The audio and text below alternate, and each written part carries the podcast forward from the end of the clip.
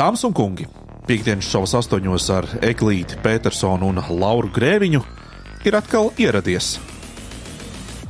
Šovakar viesos attraktīvais Latvijas televīzijas kultūra korespondents Marģers Majors, Ukrainas kara situāciju analizē diena pēc drošība autors un producents, drošības eksperts Edmunds Visendorfs, filmas, mūzika, literatūra, periodika, sejas un esejas un muļķības. Kā vienmēr, šovā astoņos.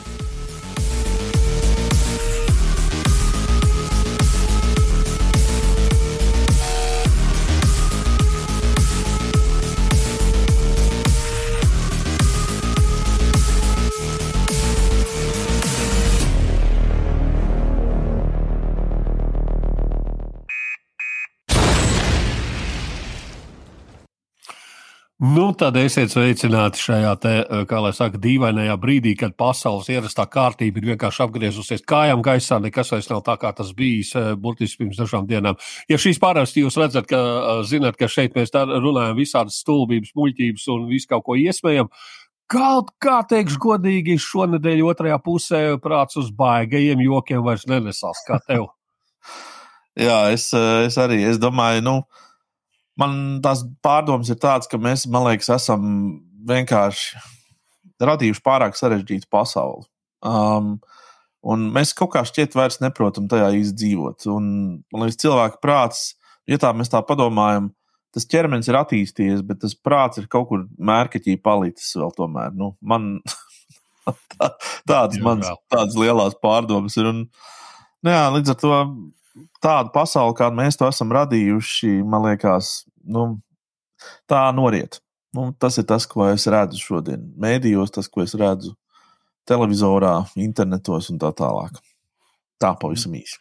Nu jā, nu, neskatoties uz visu to, kas notiek šobrīd uh, Ukrajinā un principā visā pasaulē, kas tās atsaucās uz visu pasauli, mēs te pusotru stundu vai līdz divām stundām, kā nu mēs iekļausimies, uh, mēģināsim par šo to pastāstīt, par šo to parunāt. Būs arī ierastais vakar viesis mums. Tā kā, nu, it kā jau jā. pasaule nav apstājusies, bet tajā pašā laikā, nu, kā būs, tā būs. Mēs nezinām, kur būs aizvedīs.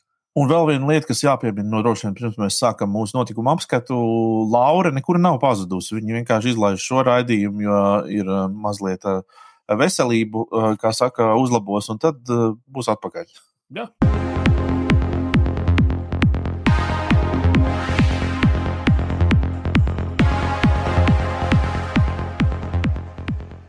Vēl pirms tā, nu, kā saka, vēsturiskā rīta, tā es to nosaukšu Um, mēs jau skatījāmies internetā un, un, un, un vērojām lietas un notikumus, kā tie attīstās. Un, uh, pēkšņi dažas no latviešu grupām un izpildītājiem atzīmēja sevi ļoti interesantā veidā. Prāta vētra teica, ka nu, pat neteica, viņi vienkārši tika piefiksēti kaut kur, ka viņi joprojām Sanktpēterburgā vai kur taisa koncertu tūri, un arī Busulis ir sataisījies. Uh, kā saka, pie Kremļa, uh, pie Kremļa pakāpienas. Būs padziedāt vēl nedaudz. Uh, nu, Zini, kā, protams, ka tad, kad viss sākās un aizgāja nopietnā, nopietnā saka, līmenī, prāta vētra pamanījās pateikt, ka viņi atceļ koncertūru Krievijā. To viņi paziņoja Latvijas mēdījiem. Savukārt savos krievu profilos viņi teica, ka viņi pārceļ koncertūru. Tātad nu, tāda divkosība jau, jau pašā pamatā. Un, Jā, nu, zini, ka man šajā sakarā es arī iedomājos, ka Reku Kauperam jau šī tāda situācija bija ar viņu supergrupu pēdējās uh, 15. gadā. Viņš jau tur, viņam jau bija iespēja braukt vai nebraukt, un viņš parakņājās Bībelē un atrada kaut kur tur uh, attaisnojumu, kāpēc viņš tomēr brauks. Tagad tā Bībelīte kaut kā laikam akali pačabējusi, vai ne, kaut kur ir grāmatplauktā aizkritusi, un, un, un nu, atkal.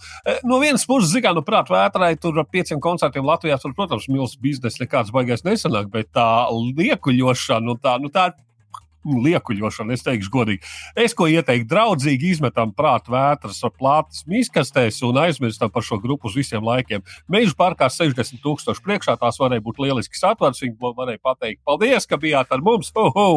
Jā, Jā viss. Bet no. tagad. Nu, Es, es, es īstenībā kaut kādā ziņā tev piekrītu. Nu, varbūt ne tik galēji, ka jāmet plats ārā un kaut kā jādedz. Nu, labi, jā, nu. Kā, to, to varbūt nē, bet, uh, bet atstājam to savā atmiņā. Ļoti foršs laiks tas bija, un Veronika un viss, viss nu, Nu, jā, jā. skaisti, skaisti foršs Nu, laiks. es tā arī, es, es kaut kā ne tā varbūt pateicu. Es Jā. domāju, nu, jā, nu, tas savu domu sapratu. Jā, es piekrītu. Veronika ir ok. Jā, runājot par busuli, man liekas, viņš, viņš ir tāds vēl Slidenāks. Jā, vēl tiešām, jā. Jo, jo, jo nu, viņš, kā saka, pat neatcēla neko. Tikai tad, kad viss bumbošana sākās uh, Ukrajinā, tad tajā brīdī viņš, protams, pa- uzrakstīja, vai kā viņš tur teica, ka uzskata, ka tas nav, nu, ka tas būtu. Savā, jā, viņš nu, principā, principā viņš pateica, arī, arī tā atcēla uz laiku? Bet, Jā. uh, un atkal viņš to izdarīja tā, ka pašam, nezinu, uh, gaismu uzaugs pakausī, vai, vai, vai, vai, vai tāpēc, ka bija kaut kāds tāds sabiedrības spiediens un tīklos un visur šitur, nu, zin kā, nu, emocijas iet pa gaisu, ne, nenormāls un nekā tas var to izturēt, bet tā, tā kā. Tā, kā nezinu. radīja? Ši, šis, šie abi gadījumi man rada vienkārši to tādu, tādas pārdomas par to, ka ir cilvēki, kuri laikam. Uh, Kuri tver pasauli citādāk, un starp citu, kaut kā tieši mākslinieki tie ir, kuriem, kuri redz kaut kādu savu vienu gaismu, viņi uz to gaismu iet, un viņi neredz neko, kas notiek apkārt. Viņi kaut kā selektīvi skatās.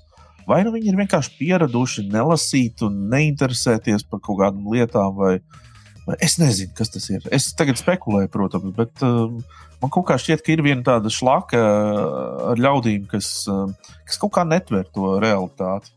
Ziniet, kā attiecībā uz visiem šiem lielajiem māksliniekiem, nu, cik nu viņi lieli savā iedomās un realitātē tas un tā. Man nāk prātā Admirāļa Kolčaka jau senos laikos tāds leģendārs citāts, eh, es tulkoju no krievu valodas patiešām. Neaiztieciet māksliniekus, prostitūtus un kučierus. Viņi kalpos jebkurai varai.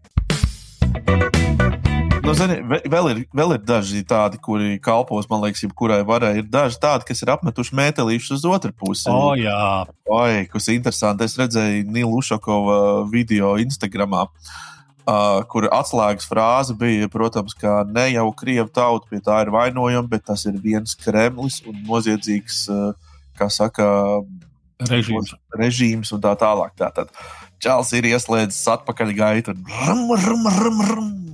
Dolējos nebēdu, jā.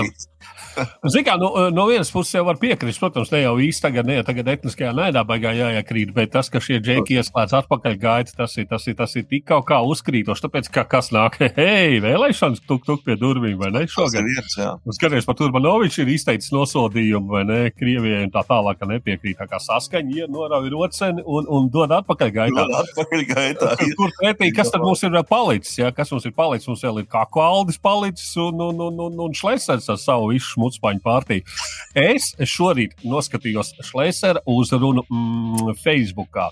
Es Klau, neredzēju. nu viņš pilnām mutēm runāja, ka visiem ir jāsēž ā, pie sarunu galda ar Krieviju, mums ir jāsaprot viss šitais, un ir, un viņš, protams, ne, nu, par putām uz lūpām lamā šī brīža valdību un tā tālāk, un, un tā tālāk, un tā tālāk. Tā kā tas ir, tas ir grūti, tas, ir, tas bija garākās piecas minūtes ā, manā, teiksim, līdzšinējā kaut kādā ā, politiķu uzrunu skatīšanās ā, periodā, bet Eh, Tas ir kas, ka, teiksim, vēl pirms maza brīdiņa viņš tur bija ielicis savā, savā, savā, savā, savā Facebook profilā šo valdību vadu idiotu vai kaut kas tāds tur bija. Pēc tam tas ieraksts pazuda. Tad diena, tas ir tā kā vakar, kad sākās karš Ukrainā, uh, bija tikai kaut kādi mistiski dievvvārdi. Jo, kas zināms, Aidās mums ir ļoti divticīgs cilvēks un viņš ļoti Jā. paļaujas uz Dievu. Šodien viņš močīja kaut kādu politiku, laikam Toģis bija sarakstījis vai Ēriks bija sarakstījis tekstu un no putām uz lūpām deva virsmu.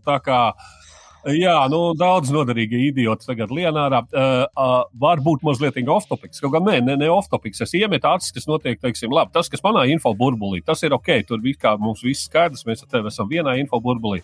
Veicīt, kas notiek paralēlajā realitātē. Man ir uh, gan draugi, gan paziņas, krievu tautības cilvēki Latvijā. Daļa no viņiem saprot, kas notiek. Daļa no viņiem dzīvo tajā otrajā paralēlajā pasaulē. Man liekas, dienīgi, tētiņ, es teikšu, tev vienā skolā gāju, mēs šnabi pēc tam dzērām vēl kaut kā. kā kurā brīdī kas notika? Nu, kā, Jā. tagad nāk ārā viss, kas maz neliekās. Ar- Starp citu, tu aizkārtos Šlesera dieva vārdus, ko viņš pieminēja, un tā tālāk. Es vienkārši sāku domāt, Uh, nu, tas tā, protams, tā atkal ir spekulācija un tā tālāk. Bet, bet ja mēs tā padomājam, Putins sevi arī pozicionē kā pareizticīgo. Viņš iet ar visiem tiem baķuškām, tur, kā saka, un, un, un tā tālāk. Tad tur ir redzēts, un viņš to ir arī atzīmis.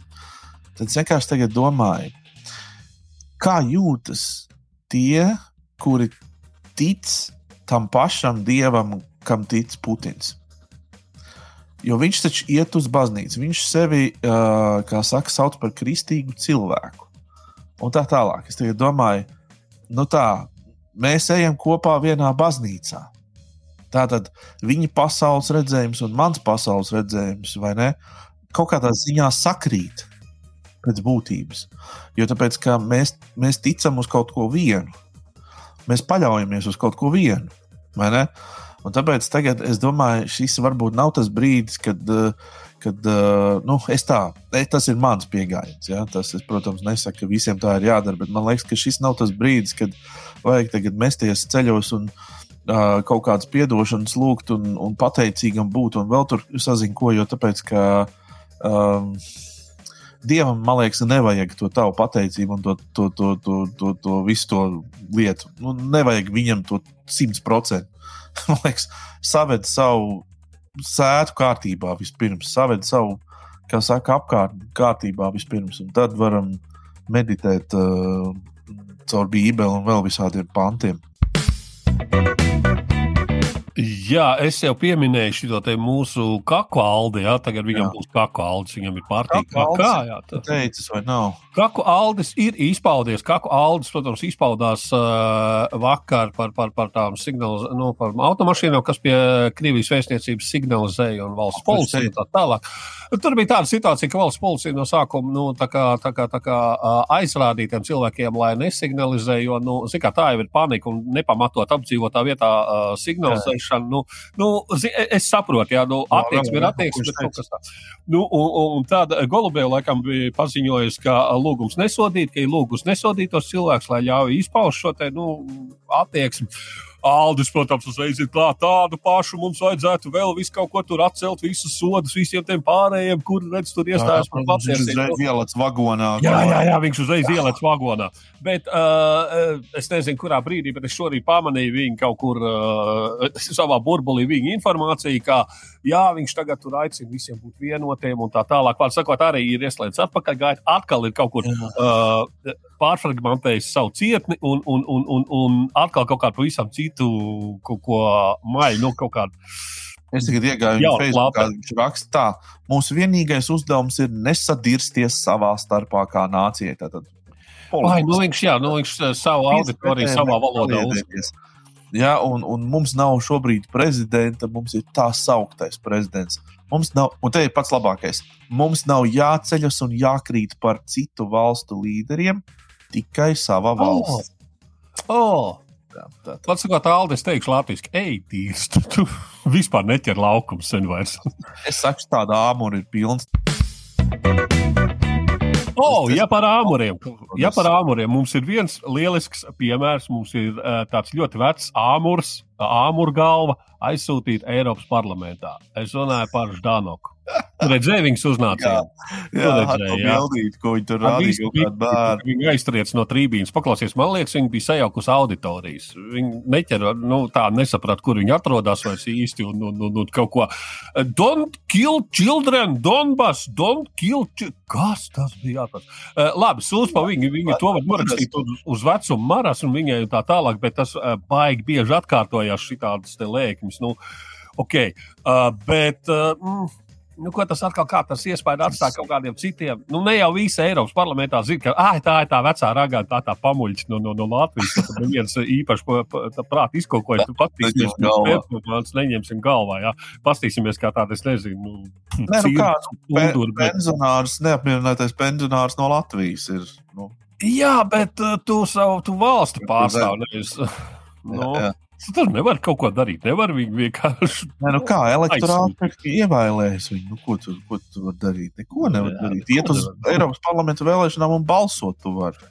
Tad nē, nu, es tā arī darīju. Jā, nu, 27 vai 29% vēlētāju aktivitāti.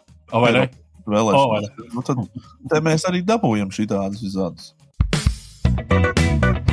Nu, lūk, un vēl pie visu šitā, nu, teiksim, atkal runājot par Aināru. Atcerieties, ka Ainārs mums atvedis ir Rīmiju uz Latviju. Viņš ir latviešu tumšo tautu iepazīstinājis ar lielveikaliem, vai ne? Nu, savā laikā tāds jau arī. Resman jau uzvalks. Stāvēja nu, rindā vieču pēc uzvalkiem, neatceries? Dresmeni, jā, man pašam kādreiz bija dresmeni. Ja tu nejauc ar Gerkenu, es dresmeni domāju. Gerkenu viņš neatved. jā, pats ar pīstoli braukāja pa domu laukumu savā limuzīnā. Nu, jā, nē, kas par to? Teiksim, tā, vakar, vakarā es pamanīju ziņu līnijās, ka Rīgā ir paziņojis par lēmumu pārtraukt Krievijai ražoto preču tirgošanu. Nu, tad pēc kaut kāda laika arī Maksim pieslēdzās un Maksim paziņoja to pašu. Es domāju, vai Aināram Šlesaram tas nav kā nācis pa sirdi. Viņš taču latviešu tumšo tautu ieveda Eiropā, vai ne? To Aināru visu laiku vēl klāt. Nē, nu tāpēc, ka. Jā, nu, sen nav nekāds ainārs, nu beidz. Nu, labi, es zinu, bet saslēdzās. Tas ir viņš, to var pacelt, kā redz, kā. Ah, jā, jā, jā, labi, ok. Jā, bet zini, kā, bet visā citādi, nu, labais žests, labais žests, labais žests ir, ir, ir, ir, ir, ir, ir, ir nu, atbalstāms.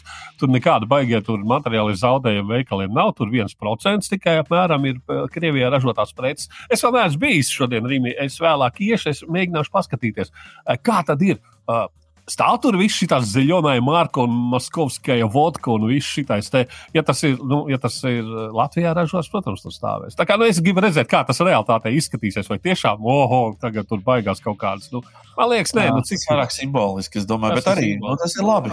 Tas ir nu, labi. Vajag, uh, es domāju, vajag parādīt nostāju. Man ļoti patīk mūsu autors arī Mārs Simenovičs Facebookā, kur viņš paziņoja, ka Eko Baltija uh, nu, pārtrauc uh, sadarbību ar, ar saviem Krievijas partneriem un saka, vai tiekam skaidrībā no sākuma. Mm -hmm. Vai ne? Jo jūs ar saviem nodokļiem finansējat šo karu, un tā, nu, ka mums tas nav pa ceļam.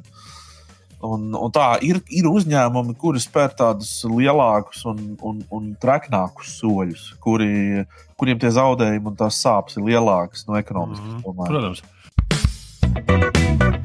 ko lai mēs sakām? Es domāju, tā galvenā lieta ir, ka es ļoti ceru uz ļoti ātru šī, šī konflikta atrisinājumu, jo patiesībā jo katru dienu ilgāk uh, tas ievilksies, jo patiesībā grūtāk būs apstāties. Nu, uh, jo, jo, jo daudzi pieradīs pie situācijas, pieņems to kā pašsaprotam, ka kaimiņos kaut ko bumbo. Ja?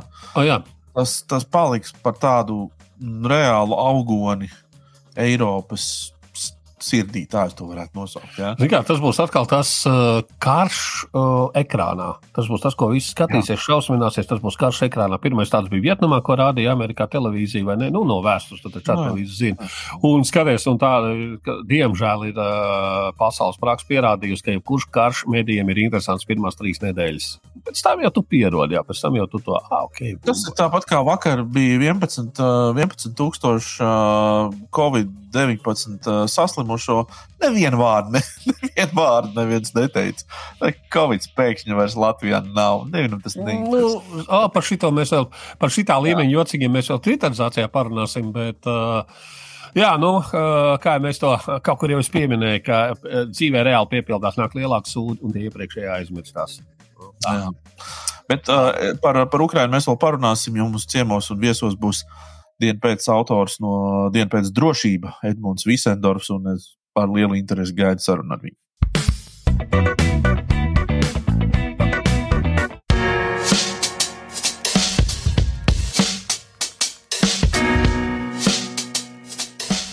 Šajā nedēļā Pelmeņa olimpiādas, kā saka, galvenais varonis ir Petersons.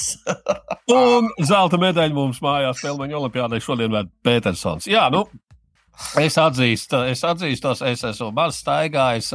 Uh, baigā attaisnojuma nav. Es vienmēr to norakstu uz laika apstākļiem, un tici man, arī tagad aiz loga, vismaz šeit, no kurienes es raidu, kuldīgā uh, aiz loga vējš ir milzīgs, nes mazus bērnus, kaķus un vecas tantes. Uh, Un, un, un, un, un, un pa gaisu, jā, tā kā tas man galīgi nemotivē šobrīd iet ārā, lai es neesmu ne mazs bērns, ne vecs tāds, nu, par ko var pastrīdēties ne kaķis.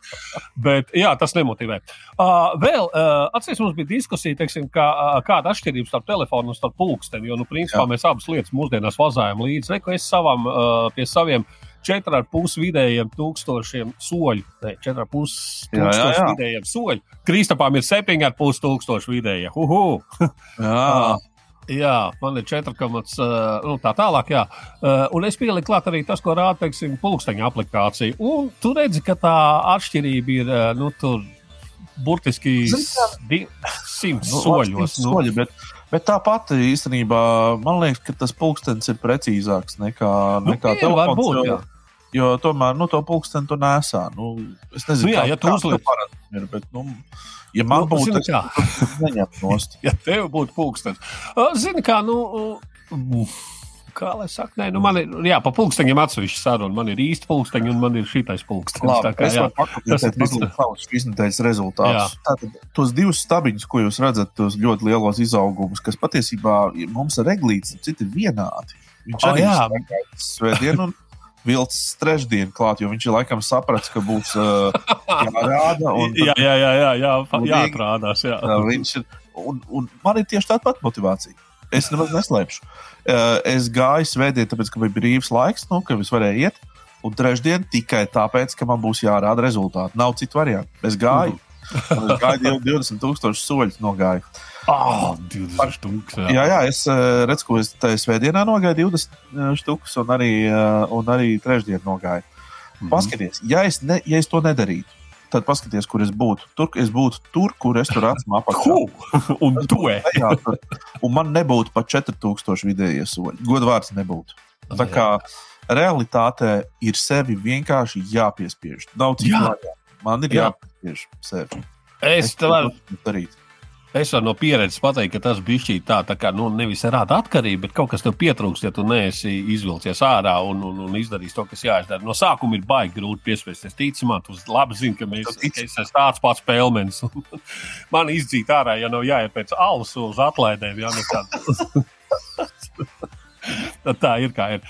Bet jā, nu labi, nu, skatīsimies, ko nākamā nedēļa nesīs. Spēlmeņa olimpiāda.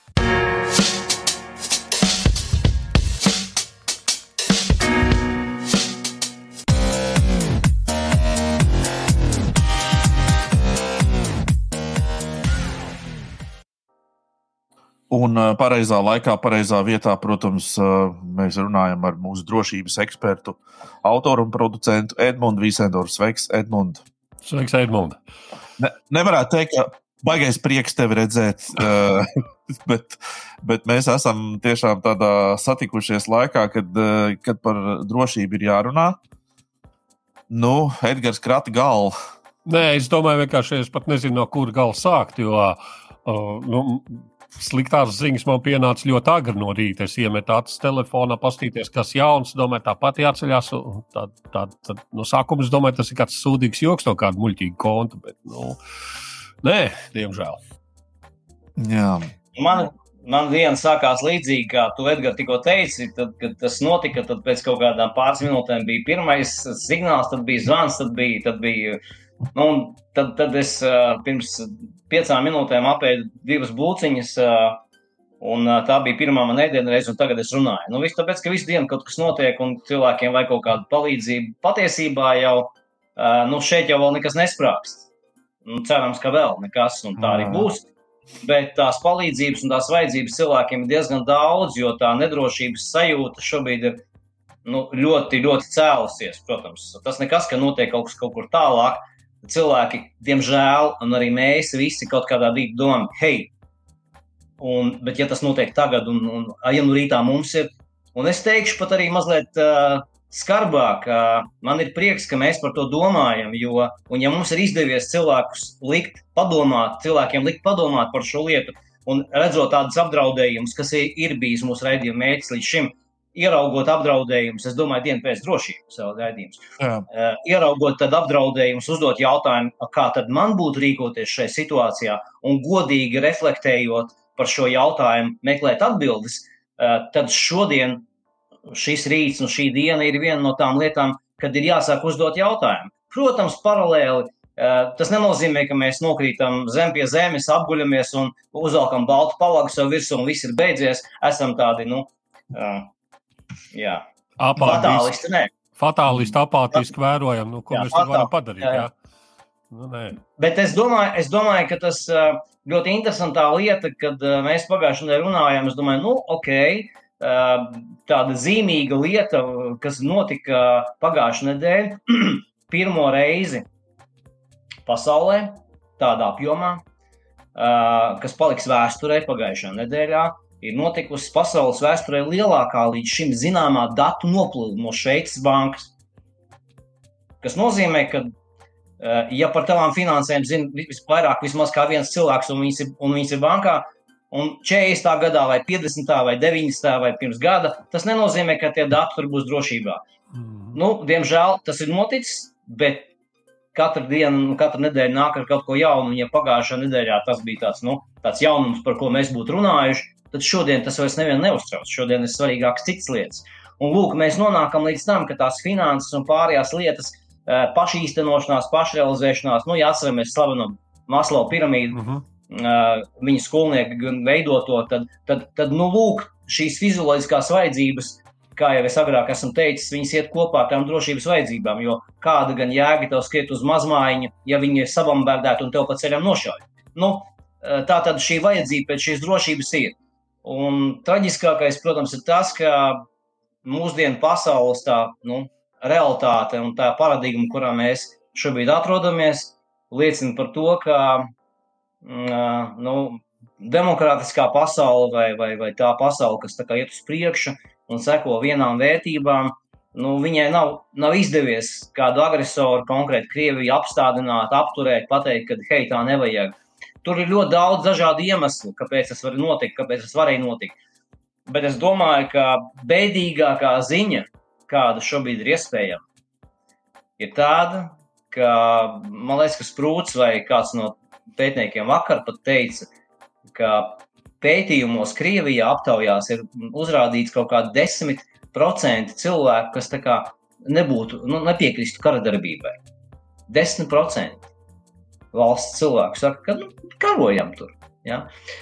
Pie kā mēs nonākam? Mēs nonākam pie tā, ka drošība šobrīd ir ļoti tieši atkarīga no tā, ko, par ko mēs daudz runājam, par ko runā Kristaps, Oskars, par ko jūs nu, ar humoru un bez humora runājat. Bet tā tēma jau visu laiku iet cauri. Hei, cilvēki, eh, būsim informēti, būsim kritiski domājoši, mācīsimies, gūsim spēju reflektēt par to, ko mēs saprotam, ko mēs uzzinājām, ko mēs ieraudzījām, un, un godīgi atbildēt uz šiem jautājumiem. Un tas arī palīdzēs mums būt lielākā drošībā. Kaut arī ko darīt tagad, ko darīt šobrīd, kā palīdzēt Ukraiņiem, ko mums būs darīt eh, un, un gal galā, kas tur var notikt. Jo eh, tur nu, tā vienkāršot runājot, es drīzāk piekritīšu eh, mūsu bijušā armijas pulkveža Rajau teiktajam, ka nu, tur ir faktiski divas, trīs versijas iespējams. Ja? ja mēs zinām, ka Putins ir devis tagad ultimātu desmit dienās, vai ne jūs padodieties, nu, valsts, kuras jūs nav patiesībā, vienkārši jūs tagad padodieties.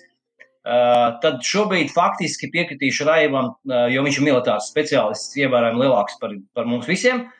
Viņš saka, ka viss būs atkarīgs no Ukrāņu spējas mobilizēties un dot uh, nu, pretstāvi tam visam, no viņu spējas.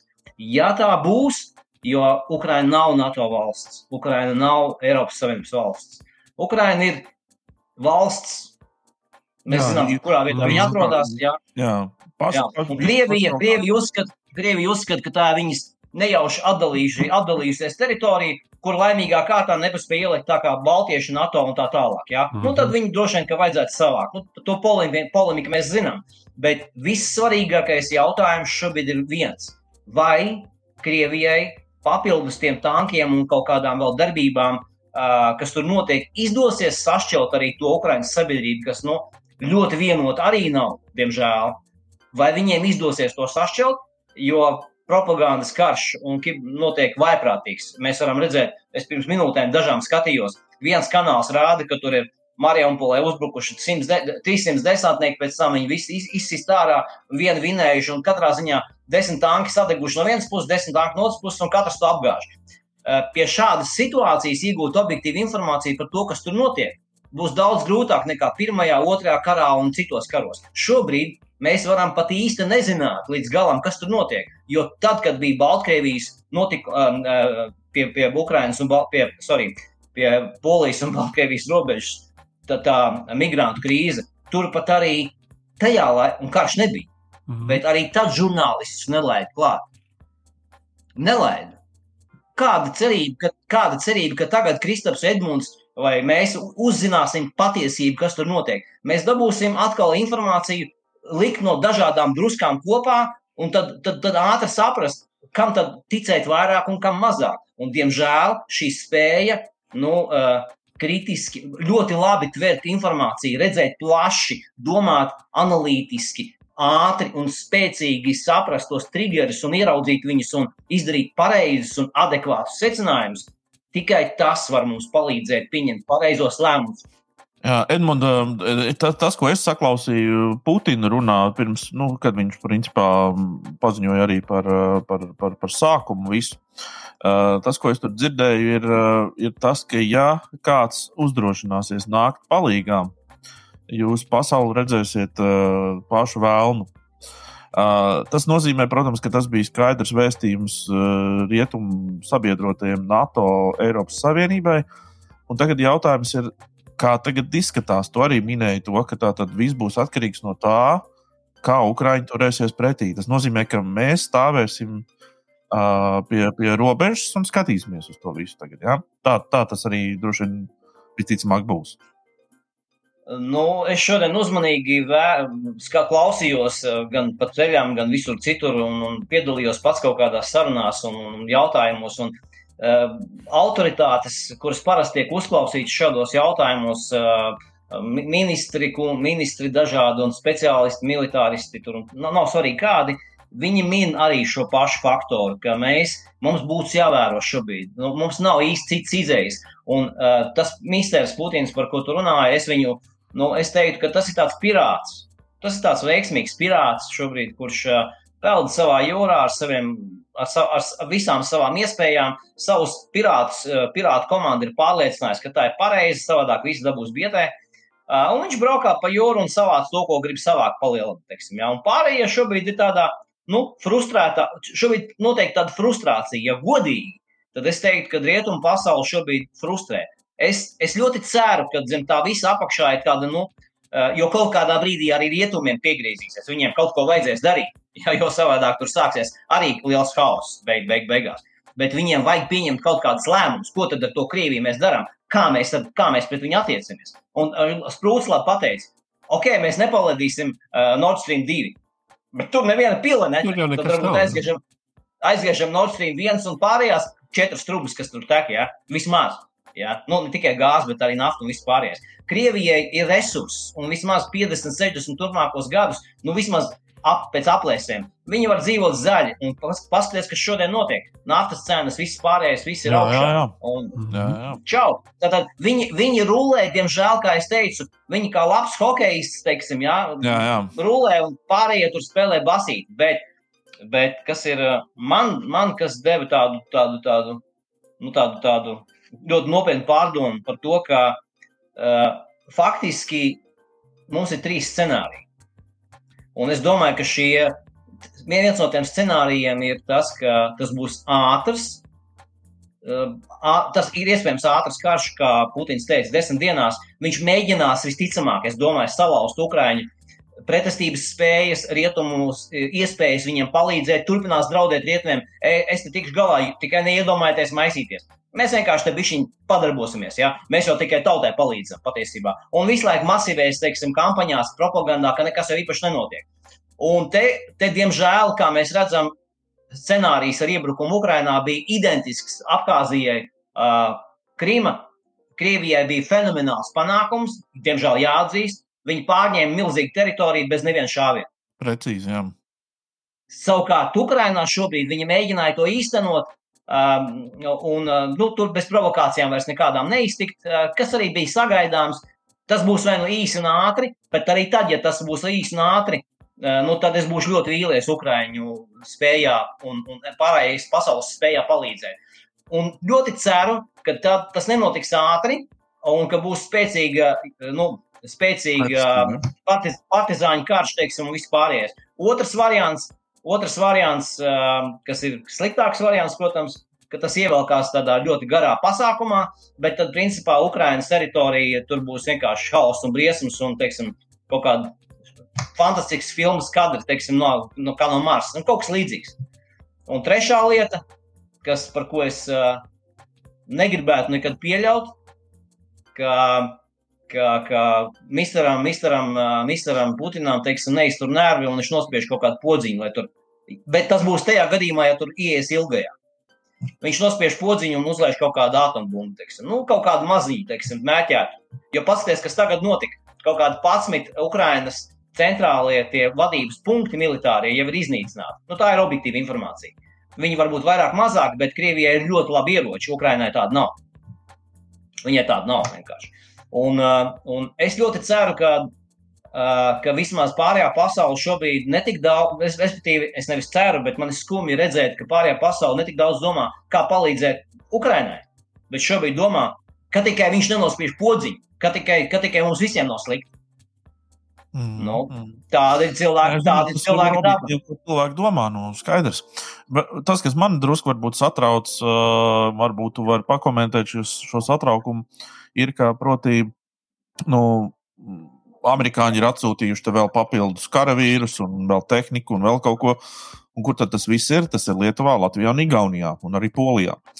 Tas nozīmē, ka vienā brīdī, ja Putins pēkšņi sadomātu, ka NATO ir izdarījis kādu provokāciju, viņš pagrieztu to seju pret, pret mūsu pusi. Jo, proti, ja NATO sāktu kādu manevru vai kaut ko, ko viņš uzskatītu par apdraudējumu, viņš principā nāktu pretī. Nu, tas nozīmē, nozīmē ka, ka viņam būtu tāds iemesls pārkāpt robežu arī Baltijā. Diezgan precīzi, diezgan precīzi. Man doma gājas līdzīgs, e, ka viņš šo apdraudējumu un šo, šo, teiksim, šo savu apdraudējumu, teiksim, to lapiņu vai to, to pozīciju, teiksim, var pārbīdīt, uz kuru pusi viņam vajag. Arī uz Baltiju, tāpēc, ka jūs, te, jūs jau patiesībā neko, bet jūs viņiem tagad taisieties palīdzēt, jūs tagad to visu saņemsiet. Un tagad viss notiks, un patiesībā sūtīsiet uz turieni. Tas ir pie mūsu robežas, mēs to nepieļausim. Mēs ejam uz turieni. Un es domāju, ka viņš par katru cenu meklē iespēju kādā veidā, es teiktu, varbūt nevis tieši dot triecienu kaut kādu, nu, Baltijai. Es ceru, ka tas nenotiks, bet apšaubīt piektā panta kaut kādu esamību vai, vai nu, darbību, teiksim, šajā gadījumā. Es domāju, ka tas ir viņa mērķis un ceru, ka tas nekad nenotiks. Bet mums būtu jābūt gataviem un, un par to jāreflektē aktīvāk. Kas būtu jādara tagad? Mums aktīvāk ir jāpasaka, hei, diemžēl Man vakar viens eh, gudrs puisis, ar ko mēs runājām, starp citu, students. Viņš teica, ka uh, mēs par Šveici runājām. Ņemot vērā šo kontekstu, kā tad Šveices neutralitāte un tā tālāk, viņš saka, mīļais draugs, man viņš saka, viņš saka, Latvija 30. gados definēja neutralitāti un, un fiksēja to apvienoto nāciju organizāciju. Viņa bija neitrāla valsts. Viņa nekur netaisījās karot un piedalīties. Un tas nevienam neinteresēja. Mēs zinām, kas ar Latviju notika. Līdz ar to ticamāk, ka nu, Šveice ir unikāls gadījums, ticamāk, bet pārējiem, pārējiem īpaši nespīd. Vai nu tu esi kopā, vai, ja, vai nu tu esi teiksim, tāds nu, neatkarību mīlošs un tad vairo to un strādā pie tā, bet kaut kādā kritiskā brīdī tev ir jāsaprot, kādās vērtībās nu, kādā, kādā blokā tu esi. Ja? Tas ir svarīgi. Mēs esam blokā. Mums nav izvēles iespēja. Tas tāpat kā, nu, ja tu esi grūti, grūti nu, stāvoklī, tad tu vai nu esi vai nu neesi. Ja? Mēs esam NATO, mēs esam blokā, mums nav jāfilozofē. Mums vienkārši ir jāvēro šīs spējas, bet jādara tas gudri. Jādara tas gudri un jāpalīdz citiem arī.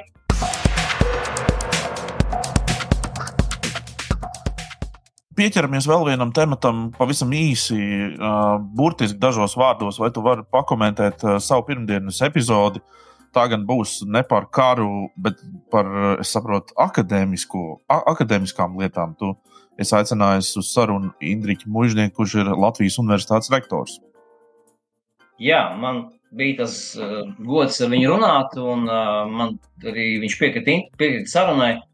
Un saruna gan notika pirms kāda brīdiņa, ja, pirms, bet, bet ļoti, ļoti viedi mēs raudzījāmies uz Tā skaitā, kas man, protams, interesē, kā, kā izglītība, kā universitāte, ko, ko viņa dod nu, mūsu drošībai. Un tad arī mužnieku kunga atzinums par to, ka nu, drošuma spēja ir viena no universitātes attīstības caurvīju prioritātēm. Un patiesībā to, tā drošuma spēja, ko droši vien, kad nu, mēs tagad par to sāksim aktīvāk runāt, un, un, un es to gribētu arī pozicionēt, mūsu drošums. Jā, ja viņš dzirdēts ir, bet viņš tā nav vēl iegājies. Tā ilgspēja tā kā zināmāks un visiem saprotamāks, bet drošuma spēja tā kā mazāk. Ja? Un tieši mūsu drošuma spēja, un tas arī sērijā izskan viņa vārdiem, ir, ir pieaugusi pateicoties izglītībai. Izglītībai, tieši izglītībai.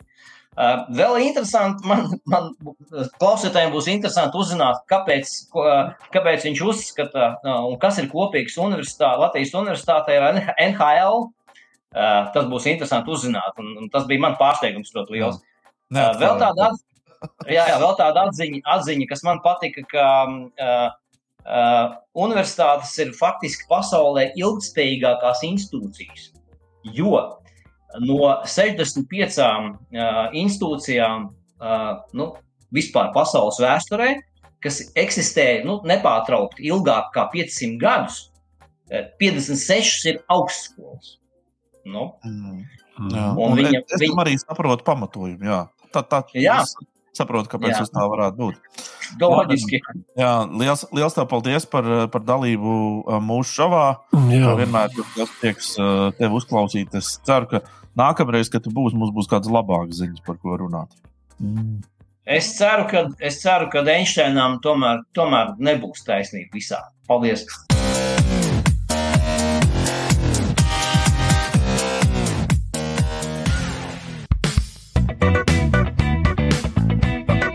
Ir pienācis laiks šī vakara viesim.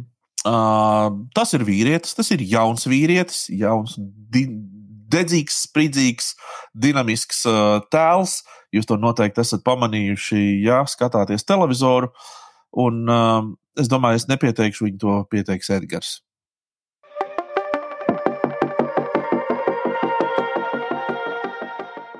Dāmas un kungi, mūsu nejaušie skatītāji un mūsu jaušie skatītāji, tāpat arī klausītāji, nejaušie un jaušie klausītāji. Mums vakar viesis ir Džeks, kuru visi ir redzējuši. Tie, kas skatās Latvijas televīziju, noteikti. Tā kā neviens neskatās, bet visi zina, kas notiek supernovā. Noteikti šo Džeku ir redzējuši. Tas ir Džeks ar slavenajiem baltajiem zābakiem. Tas ir vienkārši foršs čoms. Mārģis Majors ir mūsu čau. vakar viesis. Čau, Mārģis! Čau, čau, vīri! Čau, vīri! Paldies, tev ļoti labs pieteikums. Jaudīgs. es pat redzu, Edgars, tev varētu būt darbs Latvijas televīzijā. Ļoti ja, nu labi. Ļoti labi. neaiziet. Arhivār, arhivārs viņš varētu būt. Pagarabā. Nē, man nav balta zābaki, man neņēmis televīzijā. Noteikti tur saprotu, reiz kāds balta zābaki ir vajadzīgi. Tā, kā, tā ir augsta prasība tur. Tev tikai nesaka, ka tev tie ir kājās tagad. O, man ir kājās balts zeķis. À, tas ir gandrīz tas pats. Jā. jā. Nu, redz, nu, klausies. Čāls no 80. un tad tu atgriezies, nu, tad kā dodies uz ēku darba vieta, kas principā arī izskatās pēc 80. Tur viss, katrs, katrs stūris, katra vieta tur principā ir, ir kārtīgi 80. Jo es domāju, ir diezgan pārvērtēts iet iekšā ar jaunu enerģiju, ja, ar kaut kādu jaunu pienesumu. Tu vienkārši pielāgojies tai telpai, tai videi, kāda viņa ir. Un, un viss, ko es varu darīt, nes to zāru vēl vairāk. Ja. Jā, jā, tev labi sanāk. Tas jāatzīst. Tas jāatzīst, labi. Sanāk, bet es nu pat iedomājos, ka tu pielāgojies videi un tev jānes tas ārā. Tu būtu trāpījis zinātņu akadēmijā, tu būtu slavens zinātnieks tādā gadījumā. Lūdzu! Tu būtu trāpījis centrāla tirgus zivju paviljonā, tu būtu nāra. Lūdzu! Lūdzu! Klau, nu kā tu tiki līdz Latvijas televīzijai? Pastāsti! Es, da, es zinu, ka daudziem ir jautājums, kas tas par Džeku no 80. gadiem tur ir mums priekšā. No, nu, pirmkārt, Es esmu dzimis 93. kas ir vēl absurdāk par to. Bet Džeks no 80. Nu, tas ir tas vizuālais stils, tēls, jo, manuprāt, arī jums ir gan fantastiski paštēli šeit, gan arī fantastiski tēli dažādos darbos un profesijās, ikdienās. Bet, nu, kā es tur trāpījos, ja godīgi, es nevaru teikt, ka es nezinu, bet nebija tā, ka es uz to ļoti cerēju. Tas mans labākais uh, atbildes šim bija, kad es biju pareizā laikā un pareizā vietā. Proti, es biju mājās, augustā un klausījos mūziku. Tā kā Edgars, tev ir viss iespējas. tu es esmu mājās jau kuru augustu klausies un klausos mūziku. Poršu recepti.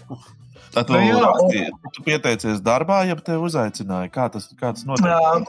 Es biju pirms kaut kāda pusgada vairāk aizgājis uz castingu, uz projektu Bardaks Bēniņos, kas ir tāds jaunā mūtēm versija kaste este. Uh, kur man par laimi, par nelaimi nepaņēma, bet iespējams tam tā vajadzēja būt. Jo pēc pusgada kāds bija mani aizlicis uh, manu domu par mani kaut kur tālāk, un tas vienkārši kaut kā sagāja. Tā uzlīdz salikās. Un, protams, ņemot vērā, cik absurdi man tas likās sākumā, jo tas ir augusts, tā ir vasara, un man ir eh, absolūti citā noskaņojumā prāts. Uh, likās interesanti. Vai pamēģinām, hei!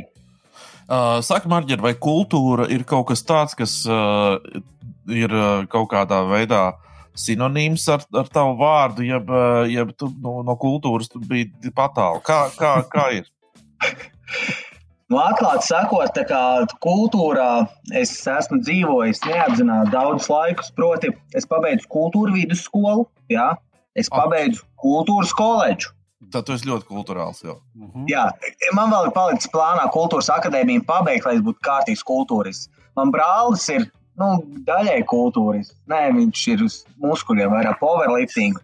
Uh, es strādāju kultūras nozarē, kultūras redakcijā. Ja? Es satiekos ar daudz dažādām kultūrām, kad es aizbraucu uz citām zemēm. Mana dzīve apjās ar kultūru. Burvīgi. Tad tu esi, kā saka, trāpījis uh, savu dzīves, uh, tavu profesiju ir tavs dzīves piepildījums un otrādi droši vien. Uh, zini, zini, kas man vislabāk patīk no tava šī brīža daļradas, ko es esmu redzējis. Nu, es droši vien arī kaut ko neesmu redzējis, bet bet, bet intervija ar Kulakovu. Nu, tā, tas, tas ir leģendāri. Es domāju, tas ir leģendāri. Tā ir pirmkārt leģendāra personība.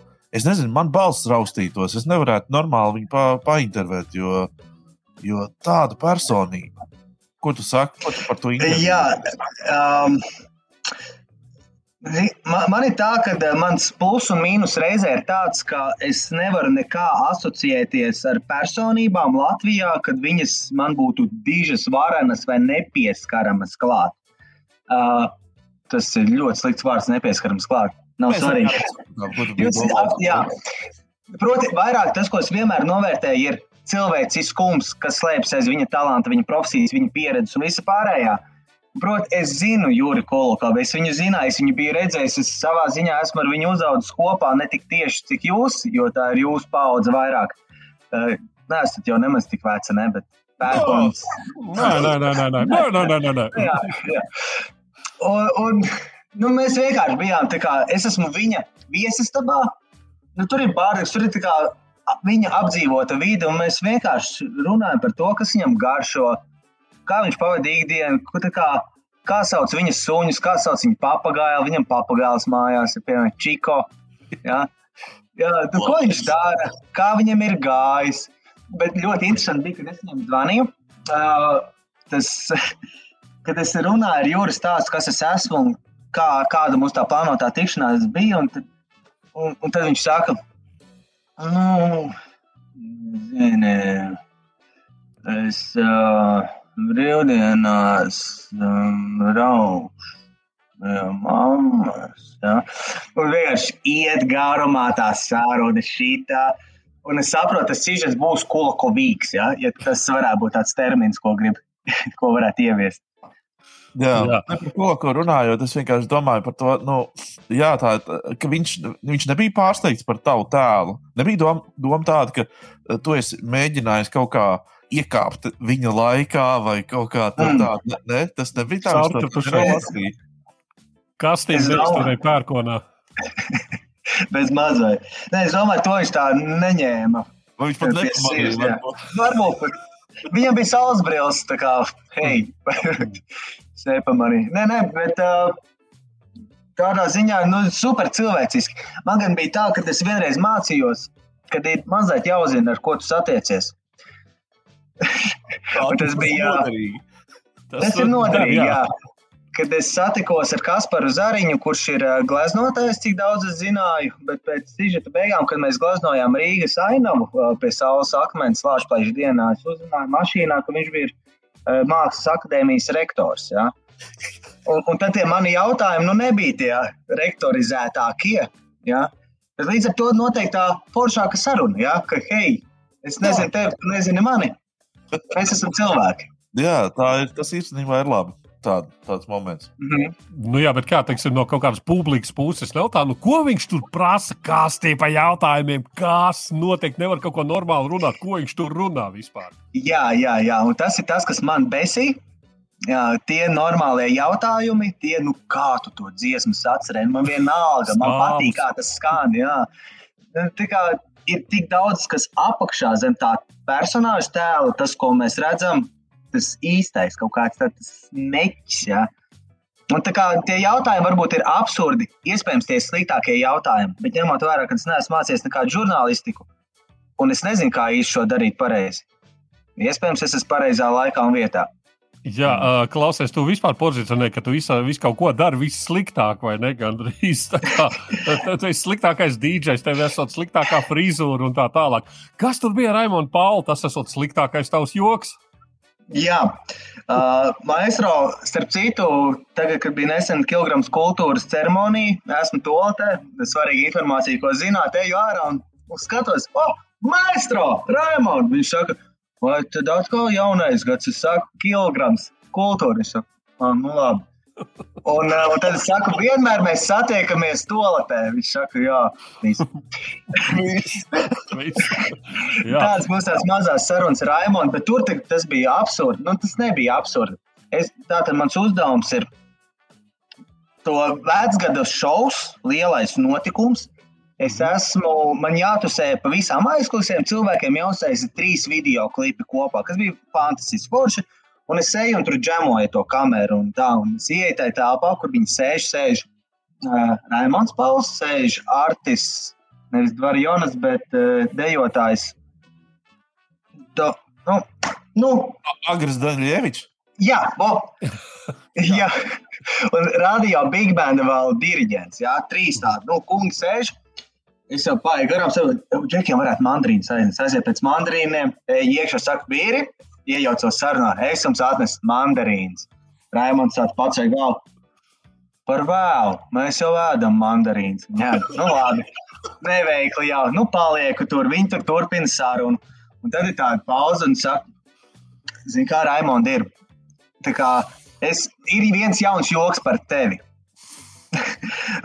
ja tas ir atnācis līdz manim, iespējams, nu, tad, un tu viņu nezini, man tas tev ir jāpasaka, lai to arī uzzinātu. Jauni, jauni joki.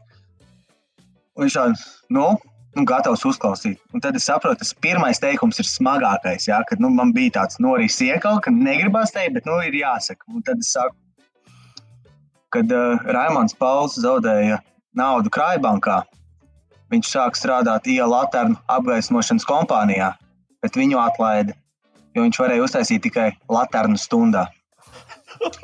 Ja?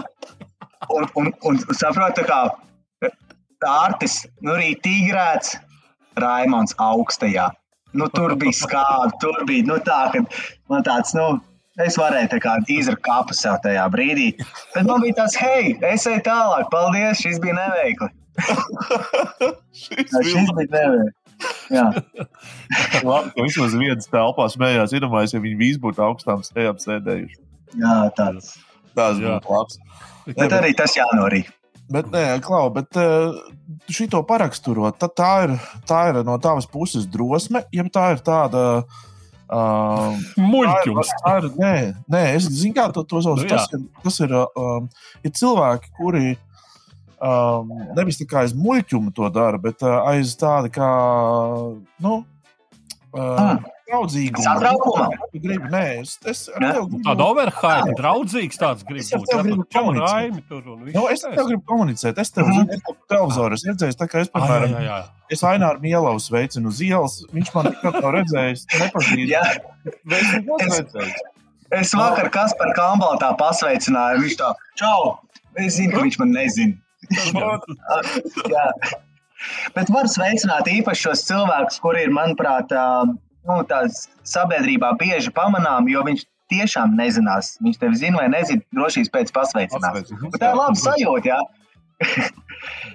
um, bet laikam es nezinu, es teiktu, ka tā ir tāda rotaļāšanās globāli. spēlēšanās. Nu, priekš, priekš manis Latvijas televīzijas dzīve ir milzīgs, absolūti fantastisks rotaļu laukums, kurā var spēlēties. Iespējams, man nu izmetīs kādu dienu ārā, jo es spēlējos ar nepareiziem cilvēkiem. Jā, iespējams, nē, hei, varbūt es vadīšu laika ziņas. Sliktākie piemēri. Jā. Bet uh, es kaut kādā ziņā tas, ko es cenšos kultivēt, kad, kā teiktu, ai, Andrejo, mēs pārējām uz tu. Ja? Uh -huh. Izskaus šo jūsu esenci ārā, kas iedod tādu mazliet tādu augstumu, attālumu vairāk šiem diviem cilvēkiem. Es uzreiz sāku ar tu. Vienmēr, jo man tā ir ērtāk, un otrs arī saprot. Protams, ar, ar eh, maistro Raimonu Paulu. Nu, man, nu, tomēr ir tā dabiskā pietāta teikt, nu, jūs varat pāri kaut kā tādu. Jā. Nu, jā. Tas, ir, tā, tas nav vienkārši tā, tā pāri. Robeža. Par šo tematu runājot, es arī visu laiku, tad, kad uh, vadīju raidījumus uh, Latvijas televīzijā, un, un, un, un, un, un, un, un es, es visu laiku cilvēkus uz to uzrunāju. Uh -huh. un, uh, un man režisori teica, oi, es katru reizi, kad tu pasaki, tur, uh, nu, tur Jurim Bindem, tu vai nu, kaut kādiem nu, LNP šefam vai kaut, kaut kādiem tiem man, man tās saraujās viss iekšā. Bet, nu, es saku, nu, bet uh, skatītājs jau negrib to jūsošanos. Viņam ir tā kungs un kundze un viss šīs uzrunas for, formas. Nu, nu, nu, tāpēc, tāpēc es vienmēr arī dabūju pa nagiem, kad es ministrus uz to uzrunāju. kā, jā. Nu, jā, e, Tas, tas ir traki. Nē, es, es tikai tā, es esmu savs piecas kapeikas, es esmu old school. Man kā reizi ir tas, ka es tā pasaku kādam tūlīt. Es domāju, kāpēc es tā varēju, es tā vispār varēju teikt, vai kaut kā tā. Jā, jā īpaši kā, nu. A, kā jums patīk, ka jūs uzrunājat jūs aiz tu? Ja, piemēram, es, vienmēr saku, es esmu, es tu, tu, tu, tu, tu, jā. tu. Nu, jā. Bet kā jūs, Edgar, jūtaties par to? jūs. oh, ziniet, Marķis, kā lai jums tā noformulē, tā pēc iespējas nekolokovīgāk. Nav bijis par šo. Vienmēr uzrunāt uz tu gan es laikam ne, neesmu vienu reizi, to, to es neesmu spējis izdarīt. Laikam. Es, es arī to nedarīšu. Šautauts vairāk, ja. Nē, tā nedariet, lūdzu, neviens nekad ir sava cieņas izpausme. Arī, jā, ir, jā. jā. Klau, nu, kā iet uh, sliktākajiem dīdžiem? Pēdējais, ko es zinu, izsaucāt rūķi, sagājāt rūķi, un tad tu pēkšņi esi Latvijas televīzijā. Hei, jā, izsaucot pareizo rūķi, tu vari nonākt visur uh, Latvijā. Um, sliktākajai, sliktākajai labāko dīdžeju apvienībai Latvijā Bangers FM iet labi, gatavojamies vasaras sezonai. Uh, vēl nezinu, kā pagaidām mēs vienkārši radoši uzsmeļam to mīlestības esenci, kas pa ziemu sakrājusies. Uh, uh, gan sākot no supernovas, beidzot ar uh, valstī notiekošām situācijām. Un tā mīlestība būs jānes uz ārā vasarā, domāju, pat intensīvi uz lielākām skatuvēm. Plānā ir dabūt lielāko skatu pozitīvā, ko var sarunāt. Uh, Bet lielais virsmeis mums ir braukt uz kādu no lielākajiem Eiropas festivāliem un nespēlēt savu, nu, nespēlēt savu mūziku, bet spēlēt citu mūziku. Tas ir nereāli, bet viss ir iespējams. Mēs tam ticam. Tāds ir augsts mērķis. Absolūti. Jā, bet fantastiski mēs par pagājušo sezonu ņemot vērā, ka mēs neesam dīdži, mēs nemākam īsti spēlēt mūziku, likt pārējas, un mēs visu laiku runājam pāri, mēs dziedam līdzi dziesmām. Pirmkārt, mums ir viena dejotāja. Mēs prasām, kā tevi sauc. Viņa sauc, es varu būt kreisā krūts. Jā. Var. Un tad mēs dabūjām otru dejotāju, labo krūti. Mūsu menedžeris Čilija Fleks ir ļoti priecīgs, un mēs dabūjām arī mūsu sadarbības pirmo sponsoru Sexy Style. Perfekt. Ideāli. Jā, tas ir ideāli. Nu, nu, lai varbūt skaistāk mīlestības skatos. Jā. Pastāst nedaudz par savu to stilu. Tu, tas ir tāds kaut kāds tāds kā stils, kam tu pats tici, ja tas ir tāds, kā, ka tu esi kā, skatuvē, tas vairāk ir tāds, es domāju, frizūra un, un mm. ūsiņas un šis viss. Uh, es domāju, tas pats iznāca no sevis ārā. Ja? Katram, katram vīrietim vienā brīdī pienāk moments, kad izsprāst tikai jūs ārā. Ja? Aug tikai pakausis, ja? uh -huh. un uh, sāka atkāpties mati. Jā. Mm. Mm. Uh, jā, mē, mēs visi tur esam bijuši vai būsim. To es jau varu teikt. Man tuvojās 30, un es jau to sāku piekopt. Bet kopā par to stilu, manuprāt, ir, ir svarīgi televīzijā noteikti. Nu jā, televīzijā ir stils, un es ieturēšu vienu stilu visu savu Latvijas televīzijas mūžu. Tas ir viens uzvalks, viens krēsls, viena apavi. Lai vai cik gadi būs, mums būs vien, viens tērps. Bet nu, viņš atkal ir tieši uz kultūru devu. Es nezinu, vai viņš var pat iziet citur ārā. Uh, zini, kā tas man uh, atgādina kaut ko, kaut ko, kaut ko. Es nezinu, vai tu zini, tāds uh, krievijas youtuberis Antons Lapenko vai Lapenko. Un, un viņam arī ir tas tēls uh, mm. Igors Katamaranovs, kurš arī staigā tādās milzīgās 80. gadu brīvlēs. Nu, viņam kaut saprot, ja ieraugot tavu tēlu televīzijā, iedomājos par viņu, tad tu saproti, kādā stilā viņš darbojās. Nu, okay, jā, jā. Es gribēju prasīt, eh, cik daudz tas ir saudzis kaut kā ar tevi, jo nu, viņam tas ir vienkārši tēls. Viņš izkāpa ārā, hops, viss viņš aiziet mājās, kā nu, nezinu, jārāda uh, no mildīgas krānīgas vai no kurienes. Jā. jā. Bet tu, Kā tev, Ņemot vērā, ka es, es eh, nemāku krievu valodā runāt un klausīties, uh mhm. -huh. šādu cilvēki, kas esmu dzirdējis, ka viņiem ir daudz vairāk tēli. Es neesmu neko no viņa redzējis, tik cik viņš Jā. eksistē. Viens cilvēks šausmas viņam, viņš ir visā, viņš ir visās lomās. -huh. Ģeniāli, ģeniāli. Manuprāt, Latvijas televīzija varētu izdarīt to pašu. Un te mēs nonākam, jā. Un te mēs nonākam pie, tā, tā, pie tavas izklaides lapas marģers, uz ko tas viss vilka. Tad es pamanīju tādu Facebookā. jā, jā, jā, man ir mana lapa. Jā.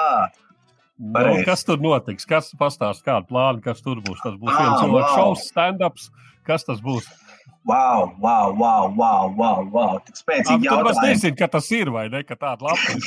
Jā, ne, es, es zinu, ka viņi eksistē. Uh, kas tur būs? Es gribētu atstāt intrigai, vienkārši aicināt cilvēkus tur piesakot, jo varbūt kaut vienu dienu tur kaut kas būs un būs wow.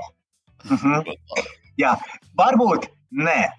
Jā, Edgars, klausies, izspēlējam Viktorīnu. Viktorīna.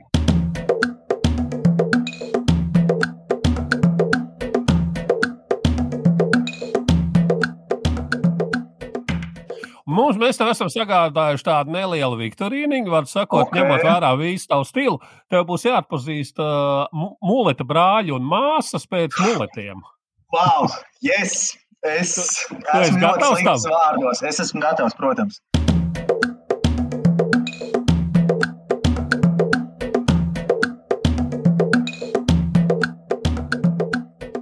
Uh, kas tas ir? Okay.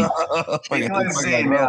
Vēl, vēl Šo tu zini. Bet spēle vēl nav sākusies. Tātad noteikumi pavisam vienkārši. Mēs okay. tev parādām slavenību. Uh, tu neredzēsi slavenības seju, tu redzēsi viņu, nu, tur plus mīnus aprises un galvenais mūlēts tu redzēsi. Un tev būs jāatmin šī slavenība. Jāpiezīmē, ka tie ir slaveni cilvēki, gandrīz tikpat slaveni kā tu pasaulē. Un uh, nieka desmit jau vien būs. Tā kā uh, skaitīsim okay. līdzi, cik tu uzminēsi un cik ne. Tu esi gatavs spēlēt? Jā, es varu neteikt vārdu, bet pateikt, no kurienes viņš ir. Nu, No Amerikas. Nē, tas neskaitīsies no ārzemēm. Nebūs jā. Labi, okay. nu, mēģinām, skatāmies. Okay, labi, aiziet. Pirmais džeks, pirmais mulets. Tā, ok. Fuh. Šis nav no 11 mājās. Uh, Rīčs, nē, ak, Dievs, tur nebija Rīčs. Ah, nav no Hameliona rotaļas. Oh. Hameliona rotaļas, tas bija Rīčs, jā. Tur ir bija tāds Rīčs, jā. Bet, Mārķis, diemžēl, tas ir Džordžs Klūnis. Ko? ah, es, tev... es varēju neatcerēties pareizi. Ah, jā, jā. Labi, laižam tālāk. Bulets numur divi. Oi, uh, šis gadījumā, mm, uh, es zinu, tas ir mūziķis, manuprāt, spriežot pēc stila. Uh, Alias man ir uz mēles galva, un es jau es, es aizmirstu. Padziedi kaut ko, vai vismaz virzienu. Man uzkārās ar smadzenēm. Jā, viņam bija Space Odyssey. Dziesma. Ah, nu nē. Nē, vispār Cita dziesma bija. Yesterday viņam bija. Ak, Dievs, tas ir Makārtnīs. Juhu, oh, ieskaitās, tas ir Makārtnīs. Labi, lai tā tālāk. Nākamais mulets pieder kam? Šis ir Brits Pits. Jo! jo. Tas Smits, Breds Pits, ejam tālāk. Mulets numur Šito- 4. Šī no Šerāna Stona. Nav. Vēl viena iespēja. Mm, Selīna Diona. Arī nē. Un trešā lieta. Trešā Vils lieta. Smits. nē, tā ir Skarlete. Ai, jā, vārds. Skaisti. Jā. Ne? Labi, ejam tālāk. Nākamais, piektais mulets. Mēs esam pusē. No Nopietns Arnolds mulets. Švarcnegers. Rambo. Gandrīz. O, nē, viņa brālis Silvestrs Stalone. Juhu, Silvestris Stalone. Es zinu, ka visiem tas, tas viņa krakls nojauc patērnu, vai ne? Okay, Jā, jā, jā. labi. Uzreiz Švarcnegers nāk prātā, jā. labi, Jā. laižam tālāk. Sastais mulets pieder. O, wow, wow, wow. Tas, tas nav no kaut kādiem Twin Peaks. Mm, Nē, bija. nē. Tas Nē. nav no. Viņš ir no, no Dublinas. No Dublīnas. Ah, pagaidi, patīšu atpakaļ, kas man tur Dublinā bija zināms. Kas tā bija? Dublinā? Nu, Šis nav kaut kāds Džils Poltroks. nu, un tā galējā atbilde ir. Mana galējā atbilde tas ir uh, uh, Mukta Pāvils. Mm, Nu, gandrīz tas ir Bono. Bono. Jo, Haidī nebūtu. Jo, Haidī Bono. Pāvils. Labi, septītais mulets pieder kam? Mūsdienās. Olga Jēcka. Gandrīz. Vēl viena iespēja. Mm. Uh, wow. Uh, Šito tev. Tev jāzina. Es gribu. Mm. Kad notiek Bet tas ir no mājās, Latvijas viņas palīdziet, ja? sienas bija no sīrupa. Kāda sīrupa? No žurnāla sīrups. Tev bija viņas plakāts. Mm, Linda Līna. Gandrīz. Un Šomase. iespēja. Nu, nē, nu, Mailīgs Airusa. Sīra meitene. Ah, es jau sīru puisis esmu, bet nu, labi. Ā, jā, nu, labi. Mani. Astotais. Bulets pieder kam? Tu viņu piemini. Oh, Tu viņu pieminēji, bija šī kaut kāda. Deivids Bojas. Jā, tas Jā, ir bīgs. Urā! Tad trīs jau tev ir. Nu, ko? Viens, divi, tur Ah, četri. Viens, četri, četri, četri, četri. Tā, četri. Būs jāskat Jā. no molets, man šķiet. Aiziet. Devītais mulets ir. Mm. Nu, šis nav rī- Ričs. Nu, gandrīz. Nu, gandrīz. Tas nav Mičs Bukanāts no Beverly Hills, ne? No Nē. Bevačs. Nu, un tā atbilde ir, teiksim, viņš reizē pārģērbjās par sievieti, viņš Lubenē ir bijis, viņš tur vēl visādās filmās. Travolta. Jā, izvilkām tevi, nevaram mēs tev atstāt kaunā. Yes. Ok, nu un tad pēdējais mulets pieder kam, un šito iesaka nekļūdīties. Viņš atnāks un iespējas tev ar kāju. Fuck, nu, tas ir Čaks. Gandrīz viņa kolēģis un Uh, Bobijs Varnais Šāvējs. Renegāts. Ārprāt, cik sarežģīti! nu, kas Tas-? Nu, tagad... Pats! par viņu anekdoti stāst, ja Bonds stāstās priekšā kā vienkārši Bond, James Bond, tad viņam sanāk stipri gara tā uzruna. Oh, oh, Dievs, man nāk prātā Flintstone. Beļģis! Oh, Beļģis, nu. Ārprāts! Beļģis, tas neko vispār nedod. Nu, viņš bojavīkos 90. gados to vien darīja, kā visiem sīt pa Nu, seju. tas, kurš, tas, kurš špagatā uz. Volvo trakiem, uz Volvo špagatā, nu, Ah, kā viņi sauc? Viņi, man, viņi, man dīzel, nē, Viņš man- dīzels. man dīzels. Tas ir mūsu mīļais. Gan 1, 2, drīz 3, 4, 5. man dīzels. Neizšķirts palika. Uh, šajā spēlē uh, Ah, muleti pret marģeri, marģers pret muletiem neizšķirts. Marģeri, Un- Tu turējies lieliski. Vēl var paturēt. Es nezinu, es, es savākšu savējo un uh, siešu astē.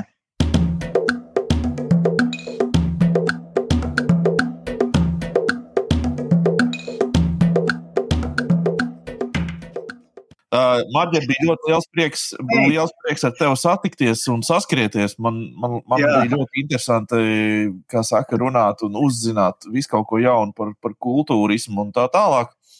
Uh, kā saka, nekur nepazūd. Mēs tev vēl kādreiz uzaicināsim.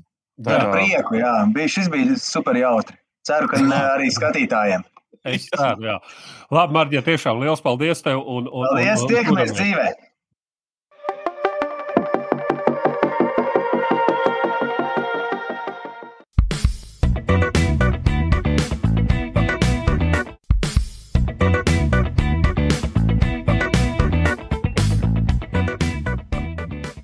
Nu, lūk, Twitteris, ja parasti Twitteris ir vairāk vai mazāk, mēs viņu uztveram kā tādu um, joku vietu, ne kā tādu izklaidi. Tad, protams, tajā pašā laikā Twitteris ir arī pavisam nopietnas lietas. Nu, un šajā nedēļā Twitteris ir pilns tikai un vienīgi ar, ar, ar, ar, ar kāru Ukrainā, kur uzsākus Krieviju. Uh, bet nu, ir arī daži tvīti no miera laikiem. Twitteris arī parāda, cik kuram kas galvā, cik ko kurš kā izpaužās. Un tā kā publiskā runa, publiskais Twitter, publiskie tīkli diezgan forši izgaismo, kas ir kas. Es domāju, laižam gaisā. Kāda dara, kāda, kuram galvā dzīvo? Jā, tā. Sāksim ar kaut ko vēl no nosacīt, sakot, miera laikiem. Latvijas vidējais saka, pēc kārtējā ragveida propagandas uzbrukuma es nolēmu, ka manam FB kontam ir nepieciešama pienācīga aizsardzība. Ceru, ka svētā Žāna Stepaņēnko arkas ikona mani aizsargās. Viņš ir pievienojis bildīt, kur ir sakombinējis eh, Stepaņēnko uh, ģimetni ar attēlu, nu, ar iedomāto attēlu par Žānu arku. Tā kā jā, tas vēl salīdzinoši no miera laikiem. Stepaņēnko, lai sargā. Reinis. Mm, nu, sāksim ar to, ka ir. Es nezinu, kas tā pa organizācija, kas uh, izstāsta pēc kādas bankas, bet es neesmu pārliecināts. Jā, pēc, pēc, pēc, pēc, pēc, pēc, pēc fonta un pēc krāsām, jā, jā, jā, un pēc visiem tiem burbuļiem. Atsakot, ir tā, ka ir kaut kāds reklāmas plakātiņš, kurā ir mazs bērns, uh, puišelis ugunsdzēsēji formā, un ir rakstīts apakšā, bērns jau zina, par ko kļūs, kad izaugs. Sāc uzkrāt bērnu nākotnē jau tagad. Būšu ugunsdzēsējs, teica tavs bērns, par kur nākotni jāsāk domāt jau laicīgi. Un e, savēlkot kopā šo reklāmu ar Latvijas reālijām, Reinis saka, jā, ir tik tiešām liela iespēja, ka bērnam kļūstot par e, ugunsdzēsības darbinieku, vecākiem nāksies viņu finansiāli atbalstīt jākrāj laicīgi. Ārprāt. Nē, bet šeit vēl, starp citu, es nezinu, kā tas ir. Man Latvijas valodas skolotāja skolā mācīja, ka laicīgi teikt, nav pareiza forma, ka ir laikus, domāt jau laikus. Jo laicīgs, laicīgi ir laicīgs. Nu jā, mēs esam laicīgi. Es nu, labi, nu, tas tā. jā, es nezinu. Uh, vēl kaut kas. Jānis Eglīts ir satraucies. Kas tas par sviestu Salkrastu novada skolā? Kāds gendersvaps, kā skolā kaut kas tāds var tikt pieļauts? Skolā ir jāapgūst zināšanas, nevis liberālismu idejas. Par ko runa? Runa ir tāda, ka skolā ir izsludināta traka, traka nedēļa, nu, visādi pasākumi, nu, kā jau tas skolās ir. Un tur, uh, par ko Jānis Eglīts ir sacapies, ir tas, ka trešdien, 23. februārī, ir gendersvap, jeb kaut kas no pretējā dzimuma, gardrobas un vai aksesuāriem. Nu, tur tāds visāds, kā jau skolā kaut kādas plēgas notiek. Par ko Jānis Eglīts ir maksimāli sašuts, vai ne? Skolā ir jāapgūst zināšanas, nevis liberālismu idejas. Uz ko Šmaragdu Magda ir papētījusi tuvāk Jankas bildi un saka, bet pašam Jankam uz zoda izskūta 2000. sākuma sieviešu bikini zona. Lūk, tas tik ir genderswaps. Šautauts Šmaragdu Magdai.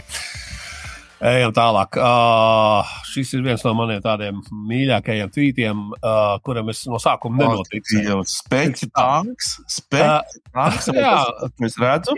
Tas ir tas, ko tu redzi. Var sakot, stāsts par ko šķirs savu Twitter līniju, un Džēna uh, ir nopublicējusi vienkārši bildīti un tikmēr balvos. Izrādās, ka kafejnīca Sauļuks sūta sveicienus vīriešu dienā. Tas ir 23. februārs, vīriešu diena. Uh, Tā bija padomju armijas diena, jā, 23. februāris. Un kafejnīca Sauļaks sūta sveicienus vīriešu dienā. Labi, sūdz, ka sūta, bet viņi ir no, kā tas ir, kā to sauc, no gaļas sataisījuši tādu tā kā tanku uzbūvējuši. Tādu tā kā uh, saule. Pārvārīt oli, jā. jā. Pārvārīt oli ir, ir saule, tanks šauj ārā burkānus, tur ir burkānu ķēdes un tā tālāk. Nu, man sakot, kaut kas tāds Es tiešām neticēju, ka tas ir īsts. Es domāju, tas ir nu, kaut kāds atkal joks vai kā. Izrādās, patiešām tas ir īsts un uh, Sauļuks ir reāli kafejnīca. Un uh, pat ir savs Facebook konts. Jā, to jau viņa Facebookā bija. Ko, uh, Facebookā jau arī šīs bija uh, publicēts. Nebija jau no Džēna brauc uz balviem uz kaut kādu. Man nejauši kāds ir ieraudzījis un nofočējis un ielicis, bet viņš savu. Nē, viņa paša, viņa reāli paša. Un tagad tāds uh, mazais backstories, es tajā brīdī sēžu pie Bārbēra, kā redziet, man ir jauna mapa. Oh. un, un nu, nu, mēs ar Bārbēru kaut ko tur pļāpājam. Tā, pa to laiku, kas ir noticis. Es, ne, es sāksim ar to, ka es nenocietos pie šitā un es vienkārši iekomentēju apakšā pamuļķi. Nu, vienkārši latviski pamuļķi. Viss, nu, come on. Uh, Pa to laiku es sapratu, ka uh, man ir uh, atnācis draudzības pieprasījums uh, Facebookā no kaut kādas dāmas, kur, pēc tam izrādās, ir kafejnīcas sauļuks. Nu, kaut kā pārstāv, viņi tur strādā, viņai tur uzrādījās un tā. Uh, un, un, un, un, un uh, viņi noteikti gribēja kasīties. Viņa draudzīgi saruna ar tevi gribēja uzsākt. Jā, ka es esmu pamoģis. Es esmu pie dienā. Viņi to gribēja vīriešu dienā sveikt atsūtīt gaļas tanku. Uh, nu, un, bet es esmu. Es tā kaut kā tā, tā nepiefiksēju. Pa to laiku viņi bija paspējuši jau nosaukt noteikti visos manos vārdos, visos sliktajos vārdos man, un pēc tam nu, vienkārši nobloķēt man. Tā kā, jā, nu, mm, kafejnīcā sauļuks es vairs neesmu gaidījis. Bet, tā, ko viņi tevi tur ir uzrakstījusi. Bet tu vari droši. Es ātri nočikošu. Tātad kafejnīcas sauļuks, jā. Jā. Tas ir nevis Twitterī, bet, eh, bet, bet Facebookā. Kafejnīcas sauļuks, reku, jā, balvos viņi atrodas. Tā, šis tvīts, starp citu, šis ir pazudis, šis ir izdzēsies. Te visi iesmēja par to, Džeinai atlika palaist Twitterī. Šī jau ir pazudis, jau ir pazudis, jau, jau, jau visi jau laikam, nu. Tā kā saprāt, ka laikam ne tur ieairējusi ir. Jā, nu. Tā kā, jā, nu, diemžēl, eh, diemžēl, diemžēl, tā kā jūs teicāt, pirms tam jā, mēs esam kaut kādā sabiedrībā, kas dzīvo dažādās informācijas telpās, un vēl jau vairāk, eh, teiksim, kaut kur balvos, jā, eh, ja viņi skatās tikai attiecīgos kanālus, nu, tur, protams, viņai rodas pārliecība, ka 23. februārs arī neatkarīgā Latvijā ir kaut kāda svētku diena. Protams. Oh, vēl jau vairāk tas lieliski sasaucās ar visu to, kas notika pēc tam ar Ukrajinu?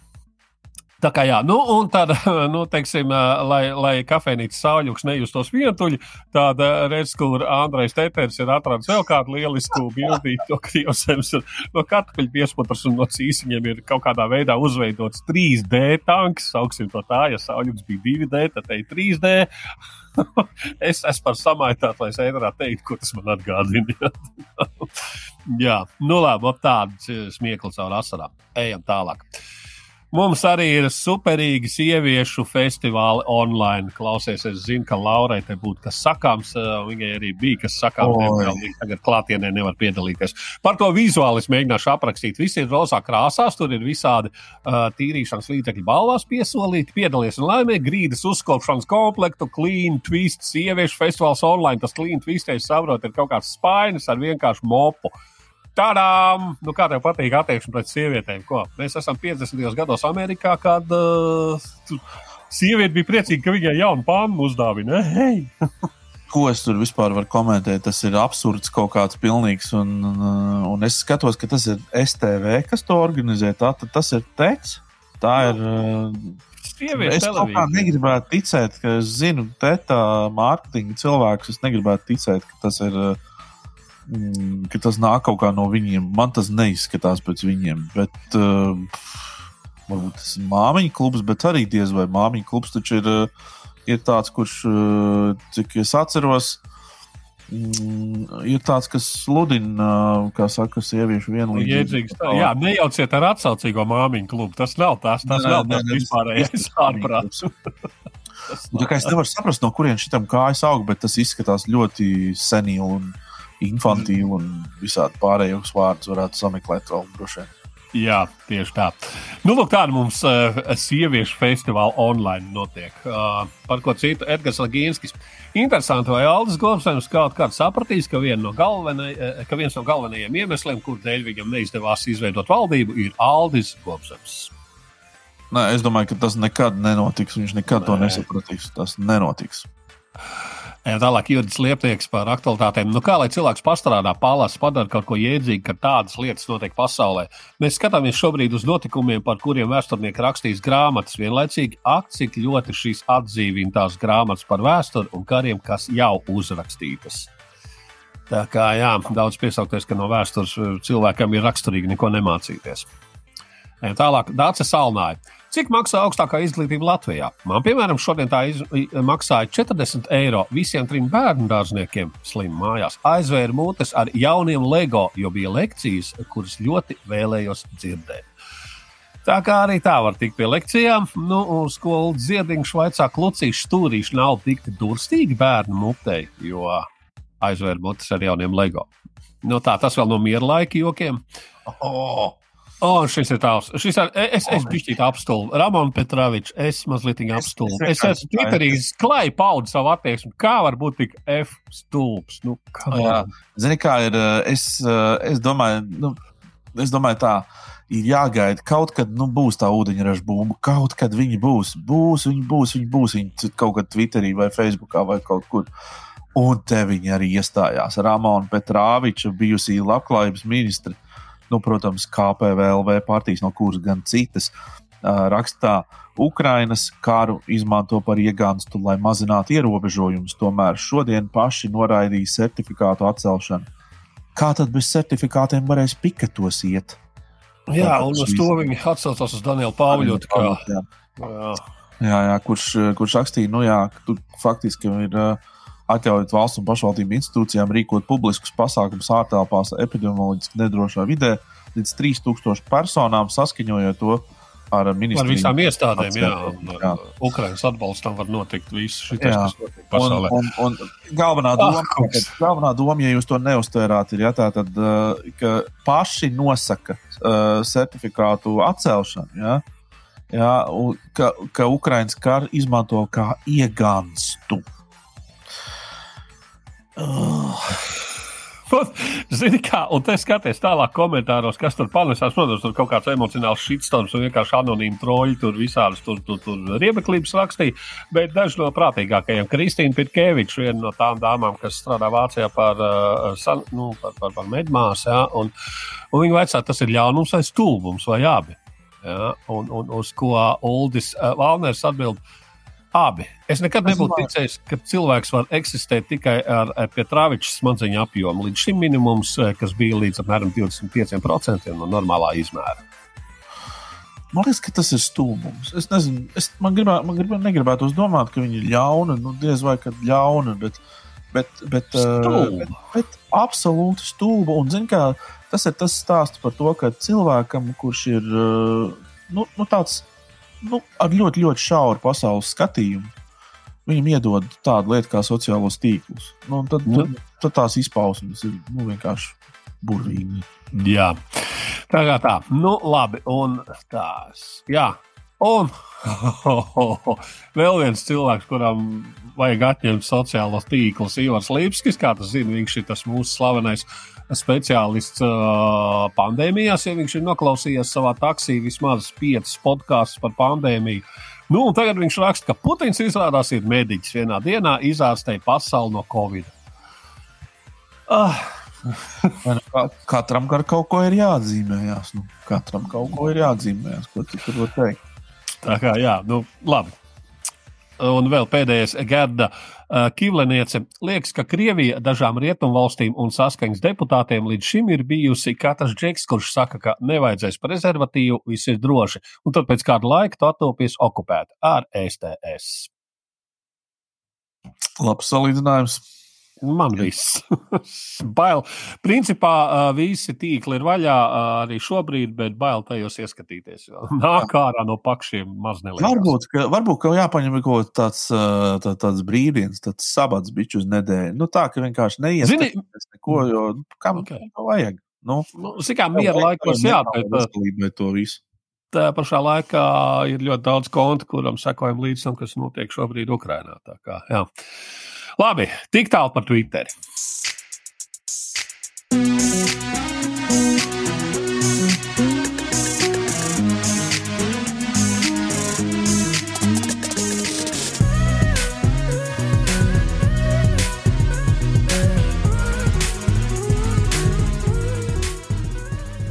Nu, mazliet par skatām vielu. Ir arī kaut kas skatīts uh, ne tikai ziņu kanālā, kas, protams, pārsvarā pēdējās dienas ir tikai un vienīgi skatām. Labi, sākam. Sākam. Es no savas puses gribu teikt, to, ka ir eh, pagaidām labākais, kas bija eh, noticis ar televīziju līdz šim, nu, nevis ar televīziju, bet ar, ar maziem ekrāniem, nu, kur rāda seriāls. Jā, tātad HBO Max ar Peacemaker ir noslēguši pirmo sezonu. Oh, my God, tas ir kaut kas tik superīgs, kādu mēs visi sen bijām pelnījuši. Uh, jebkurš uh, supervaroņu fans var vienkārši graust alkoņos, viņš ne tiem supervaroņiem ir, ir, ir, ir ir, ir sekojis līdzi. Un, ja no sākuma tas likās, tas ir tāds, tāds smags, tāds nu, paņirdziens par visu to kā žanru, jā, tas tāds arī ir un tas tā tam arī ir jābūt. Bet uh, tur izrādās arī ļoti daudz cilvēcīgā apakšā. Tas ir tiešām fantastiski. Kaut vai YouTube pilnīgi oficiāli noskatieties, uh, Peacemaker ievada titrus ar, ar, ar, ar, ar dziesmu, ar, ar to dīvaino deju, ko viņi sākumā dejo. Nu, James Gans.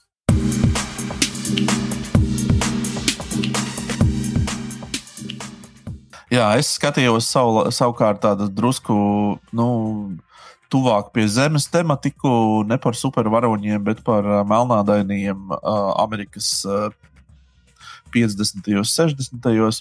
Uh, pētnieciskās žurnālistikas tāds viens no korifejiem pasaulē, kas ir Frontline, Amerikas Sabiedriskās televīzijas, tad, um, kā to varētu nosaukt. Tas ir no vienas puses raidījums, bet īstenībā jau no otras puses tā jau ir tāda vesela kustība, kur ir tāds, tā kā, tāda platforma. Uh, jūs varat iet droši pbs.org, slīpsvītra frontline un atrast uh, zem filmas sadaļas tādu, tādu, tādu gabalu, kas saucās American Reckoning. Uh, tur ir stāsts, var sakot, par, uh, nu, kopumā tur ir stāsts par, uh, par, par tā tādu vienu vīru un viņa cīņu uh, par rasu vienlīdzību. Uh, tātad, protams, ka Mārtiņam Lutheram Kingam, Malkam Meksam un visiem pārējiem tiem lieliem aktīvistiem, kurus mēs zinām, blakus bija un darbojās arī varbūt tādi mazāk zināmi vārdi. Un tad faktiski ir teikt, tā šī filma vairāk, vai šī dokumentālā filma vairāk ir veltīta viņiem. Amerikā viņi laida gaisā 15. februārī. Viņi ir pieejami internetā, brīvi pieejami, veselu stundu var noskatīties. Tiem, kam šī tematika interesē, droši to var noteikti rekomendēt.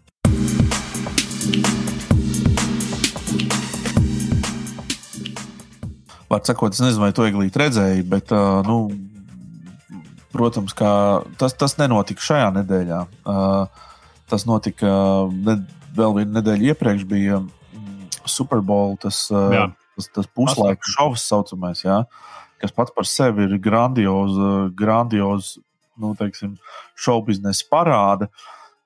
Un es šajā kontekstā īstenībā ar to filmu uh, par, par melnādainiem cilvēkiem noskatījos uzreiz pēc tam šo halftime šovu.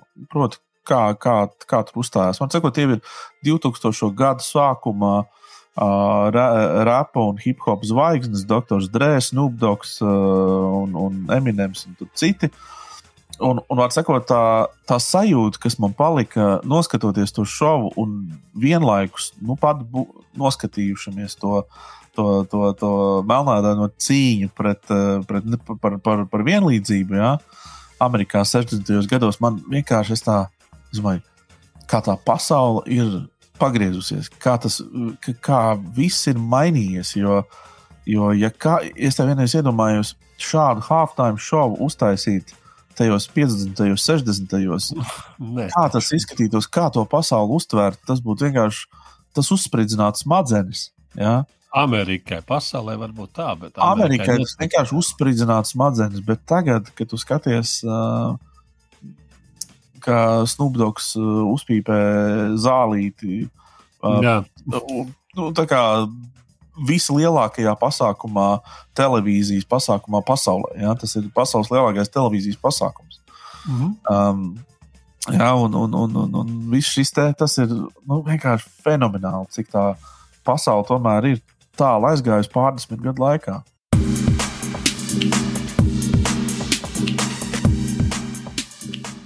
No manas, puses, no manas puses ir atkal uz reāliem notikumiem balstīti uh, sērijāli no Korejas. Reāli notikumi par. Kā domā, Kristam, kas ir, kas ir trakāks, skolnieks vai zombija?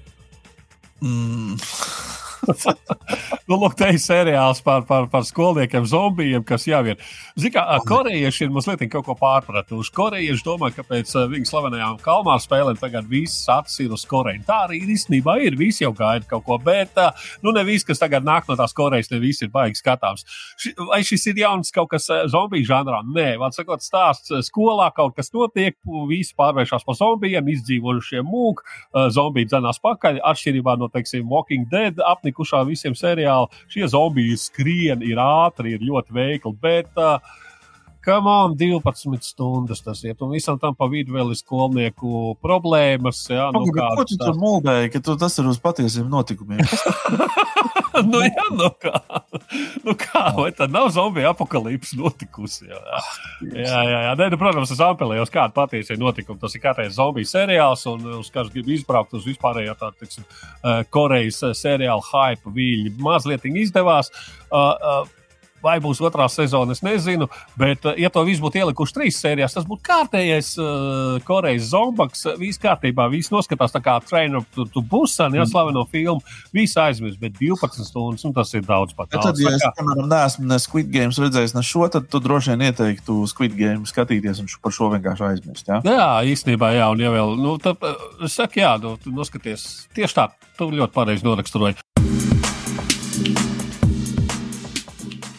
Jā, es uh, paskatījos vienu eksperimentālu. Man šķiet, ka tas ir tāds eksperimentāls humora šovs, kas saucas Real Husbands of Hollywood. Jā. Uh, uh, un, uh, tas ir redzams un skatāms YouTube. Tātad visiem pilnīgi pieejams un pa, pa brīvu. Jūs vienkārši iet ierakstāt uh, Real Husbands of Hollywood. Tātad, uh, tā ir, tas ir tāds kā parodija par, uh, par Hollywoodas uh, sievām. Realitātes šovs. Uh, kas iet, es saprotu, ka ir tāds Hollywoods šovs. Es, man liekas, esmu ar vienu acu redzējis pat kaut kādu. Pat ne epizodi, bet nu, kaut kādu nu, fragment no tā visa. Kaut kas dzirdēts ir, jā. Stāsts ir par to, ka tādas puslīdz slavenas uh, amerikāņu sievietes uh, sanāk kopā, dzer pēcpusdienas tējas, uh, apmainās tur ar dārgām dāvanām, runā tur, nu, nu vārds sakot, visas klačiņas, viss, viss, viss. Un, un, protams, ka tas viss ir nu, no mūsu acīm skatoties, nu, pilnīgi stulbi, nu, pilnīgi nevajadzīgi uzspēlēt un tā tālāk. Un tad, protams, Kevins Hārts, um, kurš ir šobrīd Holivudā viens no spēcīgākajiem aktieriem uh, un, un, un arī komiķis, ir uztaisījis uh, veselu, novācis veselu brigādi ar uh, slaveniem, uh, slaven, slavenajiem uh, uh, saviem kolēģiem, kā piemēram JB Smooth, kā Nelija, uh, reperi, un, uh, un tur vēl visādas. Uh, Vis, visādas raksturu rakstur lomu spēlētājus un uztaisījis uh, parodiju par, šie, par šo te, par šo te realitātes šovu. Es ieteiktu paskatīties kaut vai interesanti iemest tāci, uh, kā, kāds tas izpildījums ir. Viņš ir tāds ļoti jā, smieklīgs. Nu, parodija par tām, tām, tām pagātnējām. Jā, jā, jā. jā. Nu, viņš, okay. viņš, viņš viņus labi kariķē. Un, protams, ka tas viņa narcista tēls, kāds viņš ir, viņš ir tāds nu, totāls. Nu, uz, uz, sevi, uz sevi fokusējies tāds nu, tā kā, ļoti, ļoti labi.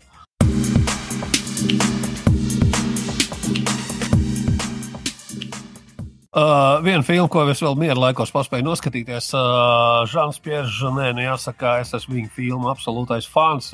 Es, es nosaukšu vienu filmu, ko zina visa pasaule, tā ir Amēlija.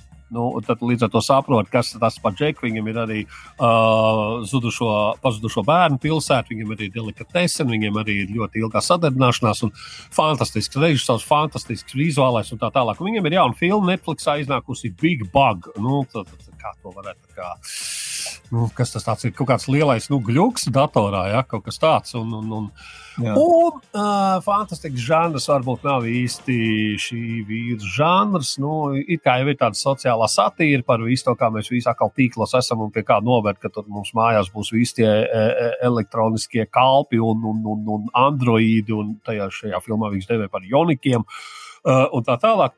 Nu, it kā jā, bet tā garša, tas vizuālais ir, bet kaut kas līdz galam tā kā nav. Tā kā, nu, mm, žanra faniem, uh, Žanpjēra Ženē faniem, tādiem kā man.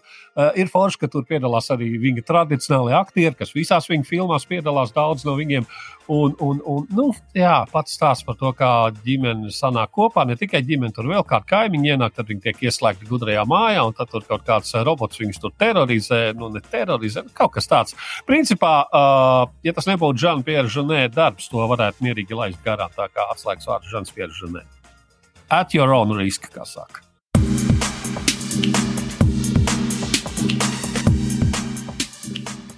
Savukārt, no manas puses, uh, piedāvāju noskatīties Apple, tiem, kas ir uh, Apple TV plus lietotāji, kuriem ir pieejama uh, Apple televīzija. Uh, seriāls, kas nav binžojamais seriāls, bet kur patiešām pa nedēļai nāk ārā jauna sērija, un, un tagad šo piekdienu atkal ir, ir iznākusi jauna sērija. Uh, saucās Sus Suspicion, uh, un stāsts ir ļoti vienkāršs par uh, tādiem britu, britu ļaudīm. Pēc skaita viņi ir pieci, kuri dzīvo savstarpēji netālu viens no otra Londonā. Bet viņi sagadījās, uh, savstarpēji viņi nav pazīstami, bet viņi sagadījās Ņujorkā vienā viesnīcā, uh, vienā, apmēram vienā laikā, kad tika nolaupīts uh, Umas Turmanas uh, tēla, uh, spēlētāja tēlam dēls. Ja? Un tad, tad šis dēls tiek nolaupīts, um, neviens nezina, kur viņš palika un pazuda, bet nezinu, kāpēc tie ceļi uh, kaut kā nonāk līdz šiem pieciem savstarpēji nesaistītiem cilvēkiem Londonā. Un tad nu, ir viss tā šķietināšana. Tur ir, nu, var sakot, tas seriāls ir ne tik daudz varbūt mākslinieciski vai saturiski, ļoti augstvērtīgs, kā tādu. Mm, kā ļoti prasmīgi izveidots tāds, kas piesaista tavu uzmanību un uzāķē tavu uzmanību. Un tu nevari nokāpt no viņa. Tev vienkārši interesē, kas būs tālāk. Tas nekas, ka viņš varbūt ir tāds nu, paklišejisks un tāds tāds, nu tā, bet nu, viņš ir tomēr ļoti meistarīgi uzbūvēts no, no struktūras viedokļa. Tā kā iesaku.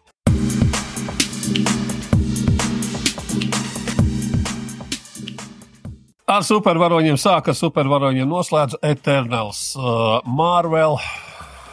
Marvel studijas uh, ceturtās fāzes uh, darbs. Uh, Jēziņ, es zinu, ka tev patiks. Un zinu, kāpēc tev patiks. Zini, eh, gada beigās parasti daudzām iestādēm ir tā, ka viņiem ir palikuši kaut kādi tērējamie līdzekļi, kas ir kaut kur vienalga, kur jānogrūž. Man liekas, kaut kas tāds ir noticis ar Marvel. ir palikuši pāri kaut kāda nieka 200 miljoni. 200 miljoni, man liekas, maksātā filma. Un, uh, un viņiem nebija kur likt. Vienkārši vajadzēja uzņemt kaut ko, un tad nu, tas tika arī izdarīts. Režisējus ir uh, Chloe Zhao, un tā ir tā, kas pagājušo gadu tā, nu, tajā manas piesauktajā bombu Oskarā saņēma. Oskar, Oskars bija, vai es tagad jā, neatceros? Es atceros. Bija, jā. Oskar, viņai divi Oskari kaut kādi jau ir. Tātad viņi saņēma par to, to Nomadlands uh, jā, jā, jā, jā. filmu. Tāda, tā ir tāda atgādina, ka tā ir drāma, atgādina, ka tā ir tāda savādāka kino. Tas vairāk pēc festivāla kino izskatās. Atgādina, dokumentālais stāsts. Jā, jā, Seido, kā tā dinamika ir apmēram tāda, ka sēž trūcīgi ģērbta sieviete ar domīgu skatu, trīs minūtes varā sapārsnī. Šāds cilvēks mums veido Marvel action filmu. Pieredze pilnīgi nekāda, pilnīgi nekāda, ne uh, tēlu development.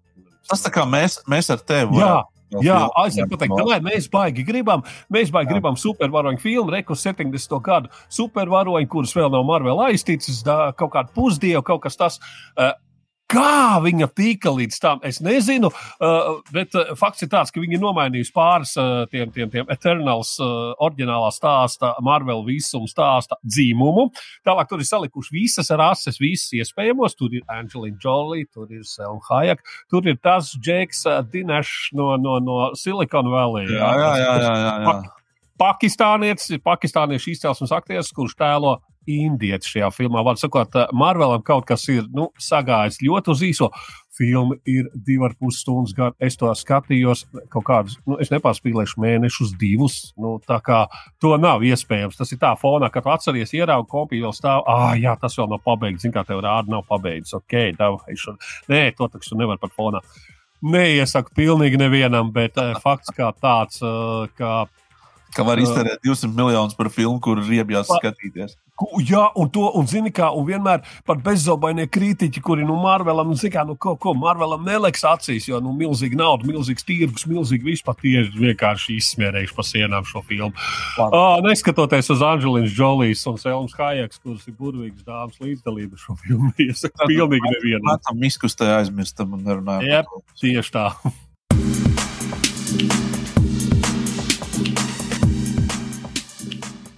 Kāds ir klausījies kaut ko tādu? es, starp citu, jā, es mazliet pakomentēšu par šo. Tātad es kaut kādos iepriekšējos raidījumos minēju to, ka mana sieva ir atzinusies mīlestībā citi zēni saksofonisti. Nu, ne, ne, ne tā kā klātienē viņam, bet, nu. Man viņi to ir devusi zināt. Līdz ar to es nododu visai pārējai Latvijas sabiedrībai šo ziņu. uh, un atriebībā par to es uh, paklausījos Madison Beer. Uh, man, protams, patīk viņas uzvārds, bet uh, Jā, tas gan piesaistīja uzmanību.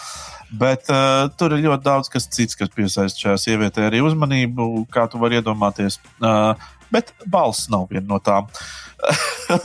lai, lai, nu, lai nu kā uh, viņas albums Life Support, kas iznāca pagājušajā gadā, uh, patiesībā Amerikā radīja diezgan lielu tādu ažiotāžu.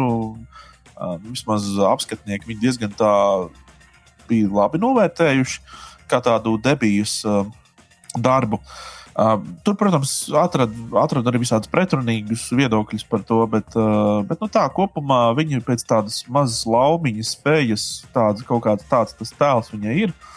Seja nu, ļoti skaista, protams, un piesaista. Viņa to, protams, arī izmanto gan augumu, gan seju tajā visā uh, savā mārketingā un tā. Bet uh, es teiktu tā, ir interesanti paklausīties. Ne, ne, neteikšu, ka būšu liels fans, uh, turpmāk klausīšos, bet, uh, bet ir ok. Savukārt, tas, ko Laura ir norādījusi savā uh, tabulā, tabulas daļā, un es zinu, Laura to nevar. Tagad uh, klātienē viņi to nevar saka, pateikt, bet viņi ir norādījusi Teimu Impalu, uh, uh, Austrāļu grupu, uh, The Slow Rush B, uh, and Remixes. Tātad Uh, jā, reku te nu viņi ir. Uh, un, uh, un es teikšu tā, es tikai tāpēc, ka es nu, paklausījos viņu, un nu, tāpēc, ka viņi bija ierakstījusi, es paklausījos, norāvu jumtu. Vienkārši norāvu jumtu. Es esmu tādā pirmatklājēja, zinām, tāda pirmatklājēja sajūta. Jā, es zinu, ka, es, es zinu, ka tu, tu esi stāstījis par šo grupu kaut ko, kaut kad viņi ir bijuši. Tu esi bijis fans pirms nu, jau 11 Jā. gadiem. Un, uh, Mārupas periodā mēs klausījāmies birojā uz pilno viņa debijas albumu. Es biju to aizmirsis, un tagad es skatījos šo te un atgriezu sev atpakaļ pie ticības. Tā kā Tēm Impal, paldies Laurai! Uh, jā. kur uh, šo te ierakstīja. Jā. jā, es arī šo biju atzīmējis. Protams, tā impulsā es sekoju līdzi diezgan daudz. Tu teici, Austrāļu grupa, nē, tas ir viens cilvēks. Viens runātājs, nu, bet, vien... bet viņam parasti ir uz skatuves vēl. Nē, uz, nē nu, loģiski, nu, pagaidi, nu, tev nav 18 rokas, tu visu laiku nevari spēlēt. Nu, es vienkārši tā. Jā, jā. Uh, bet tā, un, un, un zini kā, un šis ir, šis ir kā, kā te norādīt remiksi un, un, un B puses, un, uh, principā, ja man pateikt, ka tas ir nākamais viņa albums pēc, pēc, pēc, pēc Slow Rush, kas ir pagājušajā pagājušā gada iznāca, es teiktu, jā, ok, vai not? Viss ir kārtībā. Jā, forši, ļoti forši. Tā kā, nu, principā, komplektā jāklausās ar oriģinālu albumu, pēc tam šī tas viss, kā, teiksim, otrs disks. Uh, Reālā, reālajā dzīvē, fiziskajā dzīvē, tas noteikti būtu divi kompaktdiski, uh, deluxe izdevums? Šis ir mans staigājamais, jā, es teiktu tā, šis ir mans staigājamais. Okay. Tas ir. Labi. Lēšam tālāk. Animal Collective, uh, Timeskips no nu, ar Animal Collective ir, uh, nu, kā lai saka, ir jāpierod pie tās mūzikas. Ja nepareizajā garstāvoklī tu klausīsies, tev šausmīgi kaitinās, tev liksies, ka tur ir nervozi, ka tur ir disharmoniski, ka tur ir vēl kaut kādas visādas tādas, nu, kaitinošas lietas pie kaut kādas attiecīgas noskaņas. Tev liksies, oh, tur ir viss kārtībā, tur ir mazliet psihodēlijas, tur ir viss, uh, kam ir jābūt. Nē, esmu baigos draugos ar Animal Collective, bet, uh, nu, kā arī kādus gadus desmit jau sekoja līdzi, un, un, un, un, un es saku, nedodies nepareizā garstāvoklī stāvoklī klausīties. Kaitinās tā, ka maz neliekas. Tālāk, uh, Eris Džu ar um, tā, covering in time, jā. Ko, kā, kā to var izlasīt? Queering. Queering in time. Ko tas nozīmē? Es nemaz nezinu. Godīgi es nezinu, bet man liekas, es nezinu. Tā, jā, kas tas jā, jā, nē, tā nav drukas kļūda. Es tāpēc, zinu, kā šī, dažreiz ir, es skatos, domāju, pagaid, tas tiešām ir tā, vai es tagad kaut kur Ne nu, tā raksta. Es iemetīšu, paskatīšos, jo tam nu, labi, nav tik svarīgi. Es tikmēr varu pateikt, tas ir, tas ir eh, tā ir dāmīte, kur producē mūziku, kā tu redz pēc bildītes, ļoti atbilstoši. Tas tā arī izklausās mājās producēt mūziku, nu, kā ne ar ko neatšķirās elektronikā, vienalga, kur tu producē. 90 no gadu mani mīļie piesauktie uh, nelegālie reivi Anglijā, kur es nekad neesmu bijis visos tajos pagrabos, kad Prodigy sāk parādīties tāda fantastiska forša, uh, uplifting, uh, underground day mūzika. Iesaku visiem. Tajā drūmajā laikā kaut kur skrienot un mēģinot izveidināties tā kā Erisģu. Nu, skaidro, ko mums ir. Quivering in time, tā tad trīcēšana. Quivering ir trīcēšana kaut gan. Ah, nu tādas vibrēšana laikā. Jā, oh, oh, ļoti labi. Nē, esmu īstenībā šī tādu vārdu lietojis. Jā, nu, es arī ne, tāpēc es ne? domāju, vai es esmu mācījies angļu valodu ļoti labi. Ok, kopā ar šo astoņus. Jā, tā kā, ah, ja tā ir vibrācija kaut kāda trīcēšana laikā, tas ļoti forši atspoguļo to, to, to vaibu, to, to vibrāciju, kas nāk no šīs mūzikas.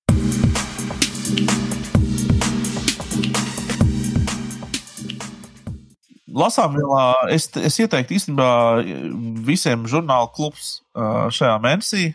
Uh, žurnāls vīriešiem, uh, un te ir arī intervija, uh, bet viņš arī sievietēm, protams, domāts nav tā, ka sievietes nedrīkst lasīt.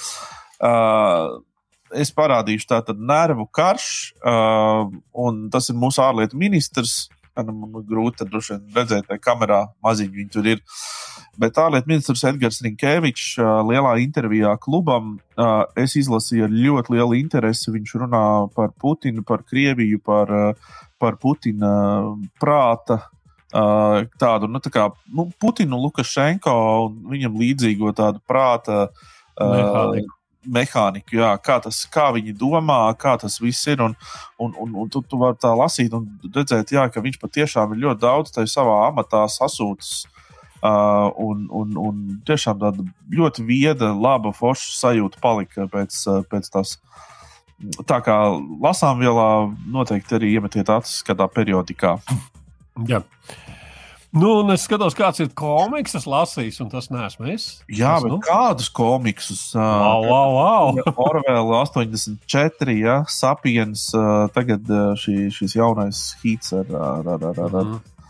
ar šo grāmatu. Tā, tā ir grafiski, principā grafiskā novele, kas ir principā tā kā komiks. Bieza grāmata, komiksa veidā. Protams, ka ne vārds vārdā tur ir grāmata pārlikta, tur ir, protams, mazliet uh noticis tā saucamais editings un tā. Bet kāpēc es pieķēros šai lietai? Tāpēc, ka jā, man ir interesanti, kas notika. Tāpēc, ka ne, ne es sev viņu pirku. Es pirku uh, 14-gadīgai uh, auģmeitai šo visu ar domu, ka nu, viņi kaut ko varētu arī palasīt. Jo, zināmā mērā, jauniešiem ir mazliet grūti.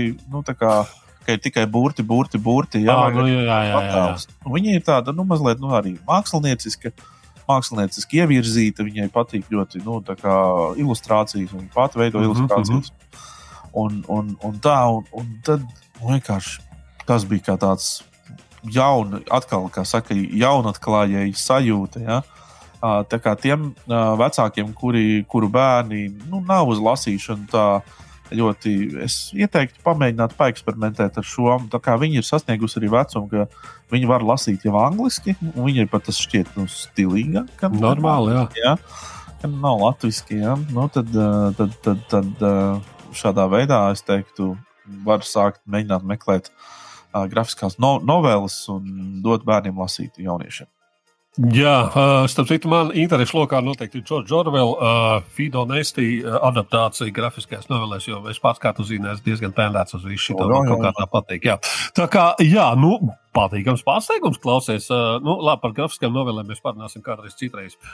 Mana, uh, mana uh, lasāmā viela ir uh, Absolutely on Music. Tas ir uh, Haruki Murakami sarunas par mūziku ar Seiji Ozawa. Uh, Ak, tu man dienīgi. Var sakot, tas ir tā. Tas iekšā tagad baigās tēmās. Es saprotu, tas murakami. Okay. Nē, nu, mura, vienkārši murakami. Jā, nu, man plakāja murakami un, un, un klausāmajā vēl arī. Un, un dublējās, apcītās.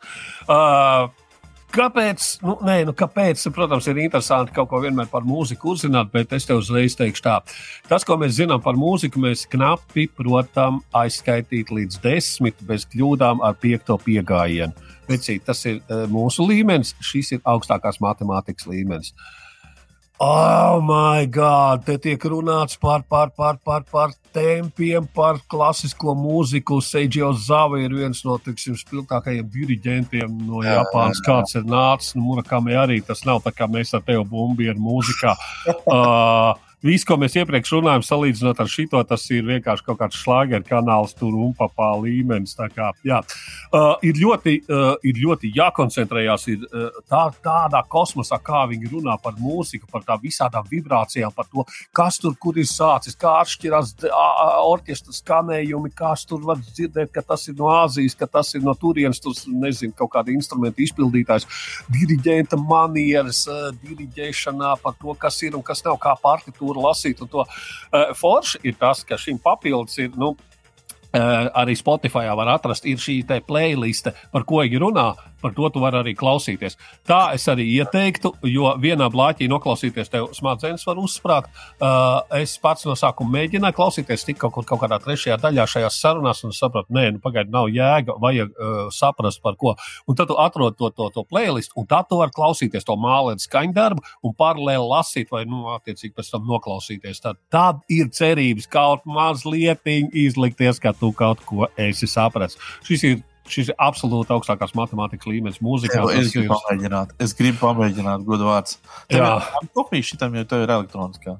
Man ir uh, audio. Audio, okay. audio jā. Nē, es nopirkšu audio. Jā, jā tur var dabūt audio un, un, un, un, un, un uh, playliste, play, playlist ir uh, vienkārši paskaties uh, internetā. Tur ir vairāk, kas tos playlists uh, Murakami fani. Es neesmu atradzis Murakami oriģinālu, iespējams, ka nav, bet nu, es zinu, ka Murakami arī ar mūziku ir ļoti uz to, un viņam ir milzīga kolekcija. Un, tā kā viņš pats, viņam ir pats savu radiostaciju. Nu tā, tas īsumā viss šajā nedēļā. Nu, jā, nākamā nedēļa būs uh, daudz vairāk prieka nesoša nekā šī nedēļa. Nu, es domāju, mēs par prieku vispār nevaram runāt, bet tas droši vien stāsts ir par to, ka um, mieru nesošu varbūt tā neprieka. Pasaule kļūst saprātīgāka. Varbūt tā, tā mēs varētu uz to cerēt. Kaut gan. Vai ne? Labi, es pat, es pat neko neteikšu. nu ko, lai mums vienkārši laba nedēļas nogalē.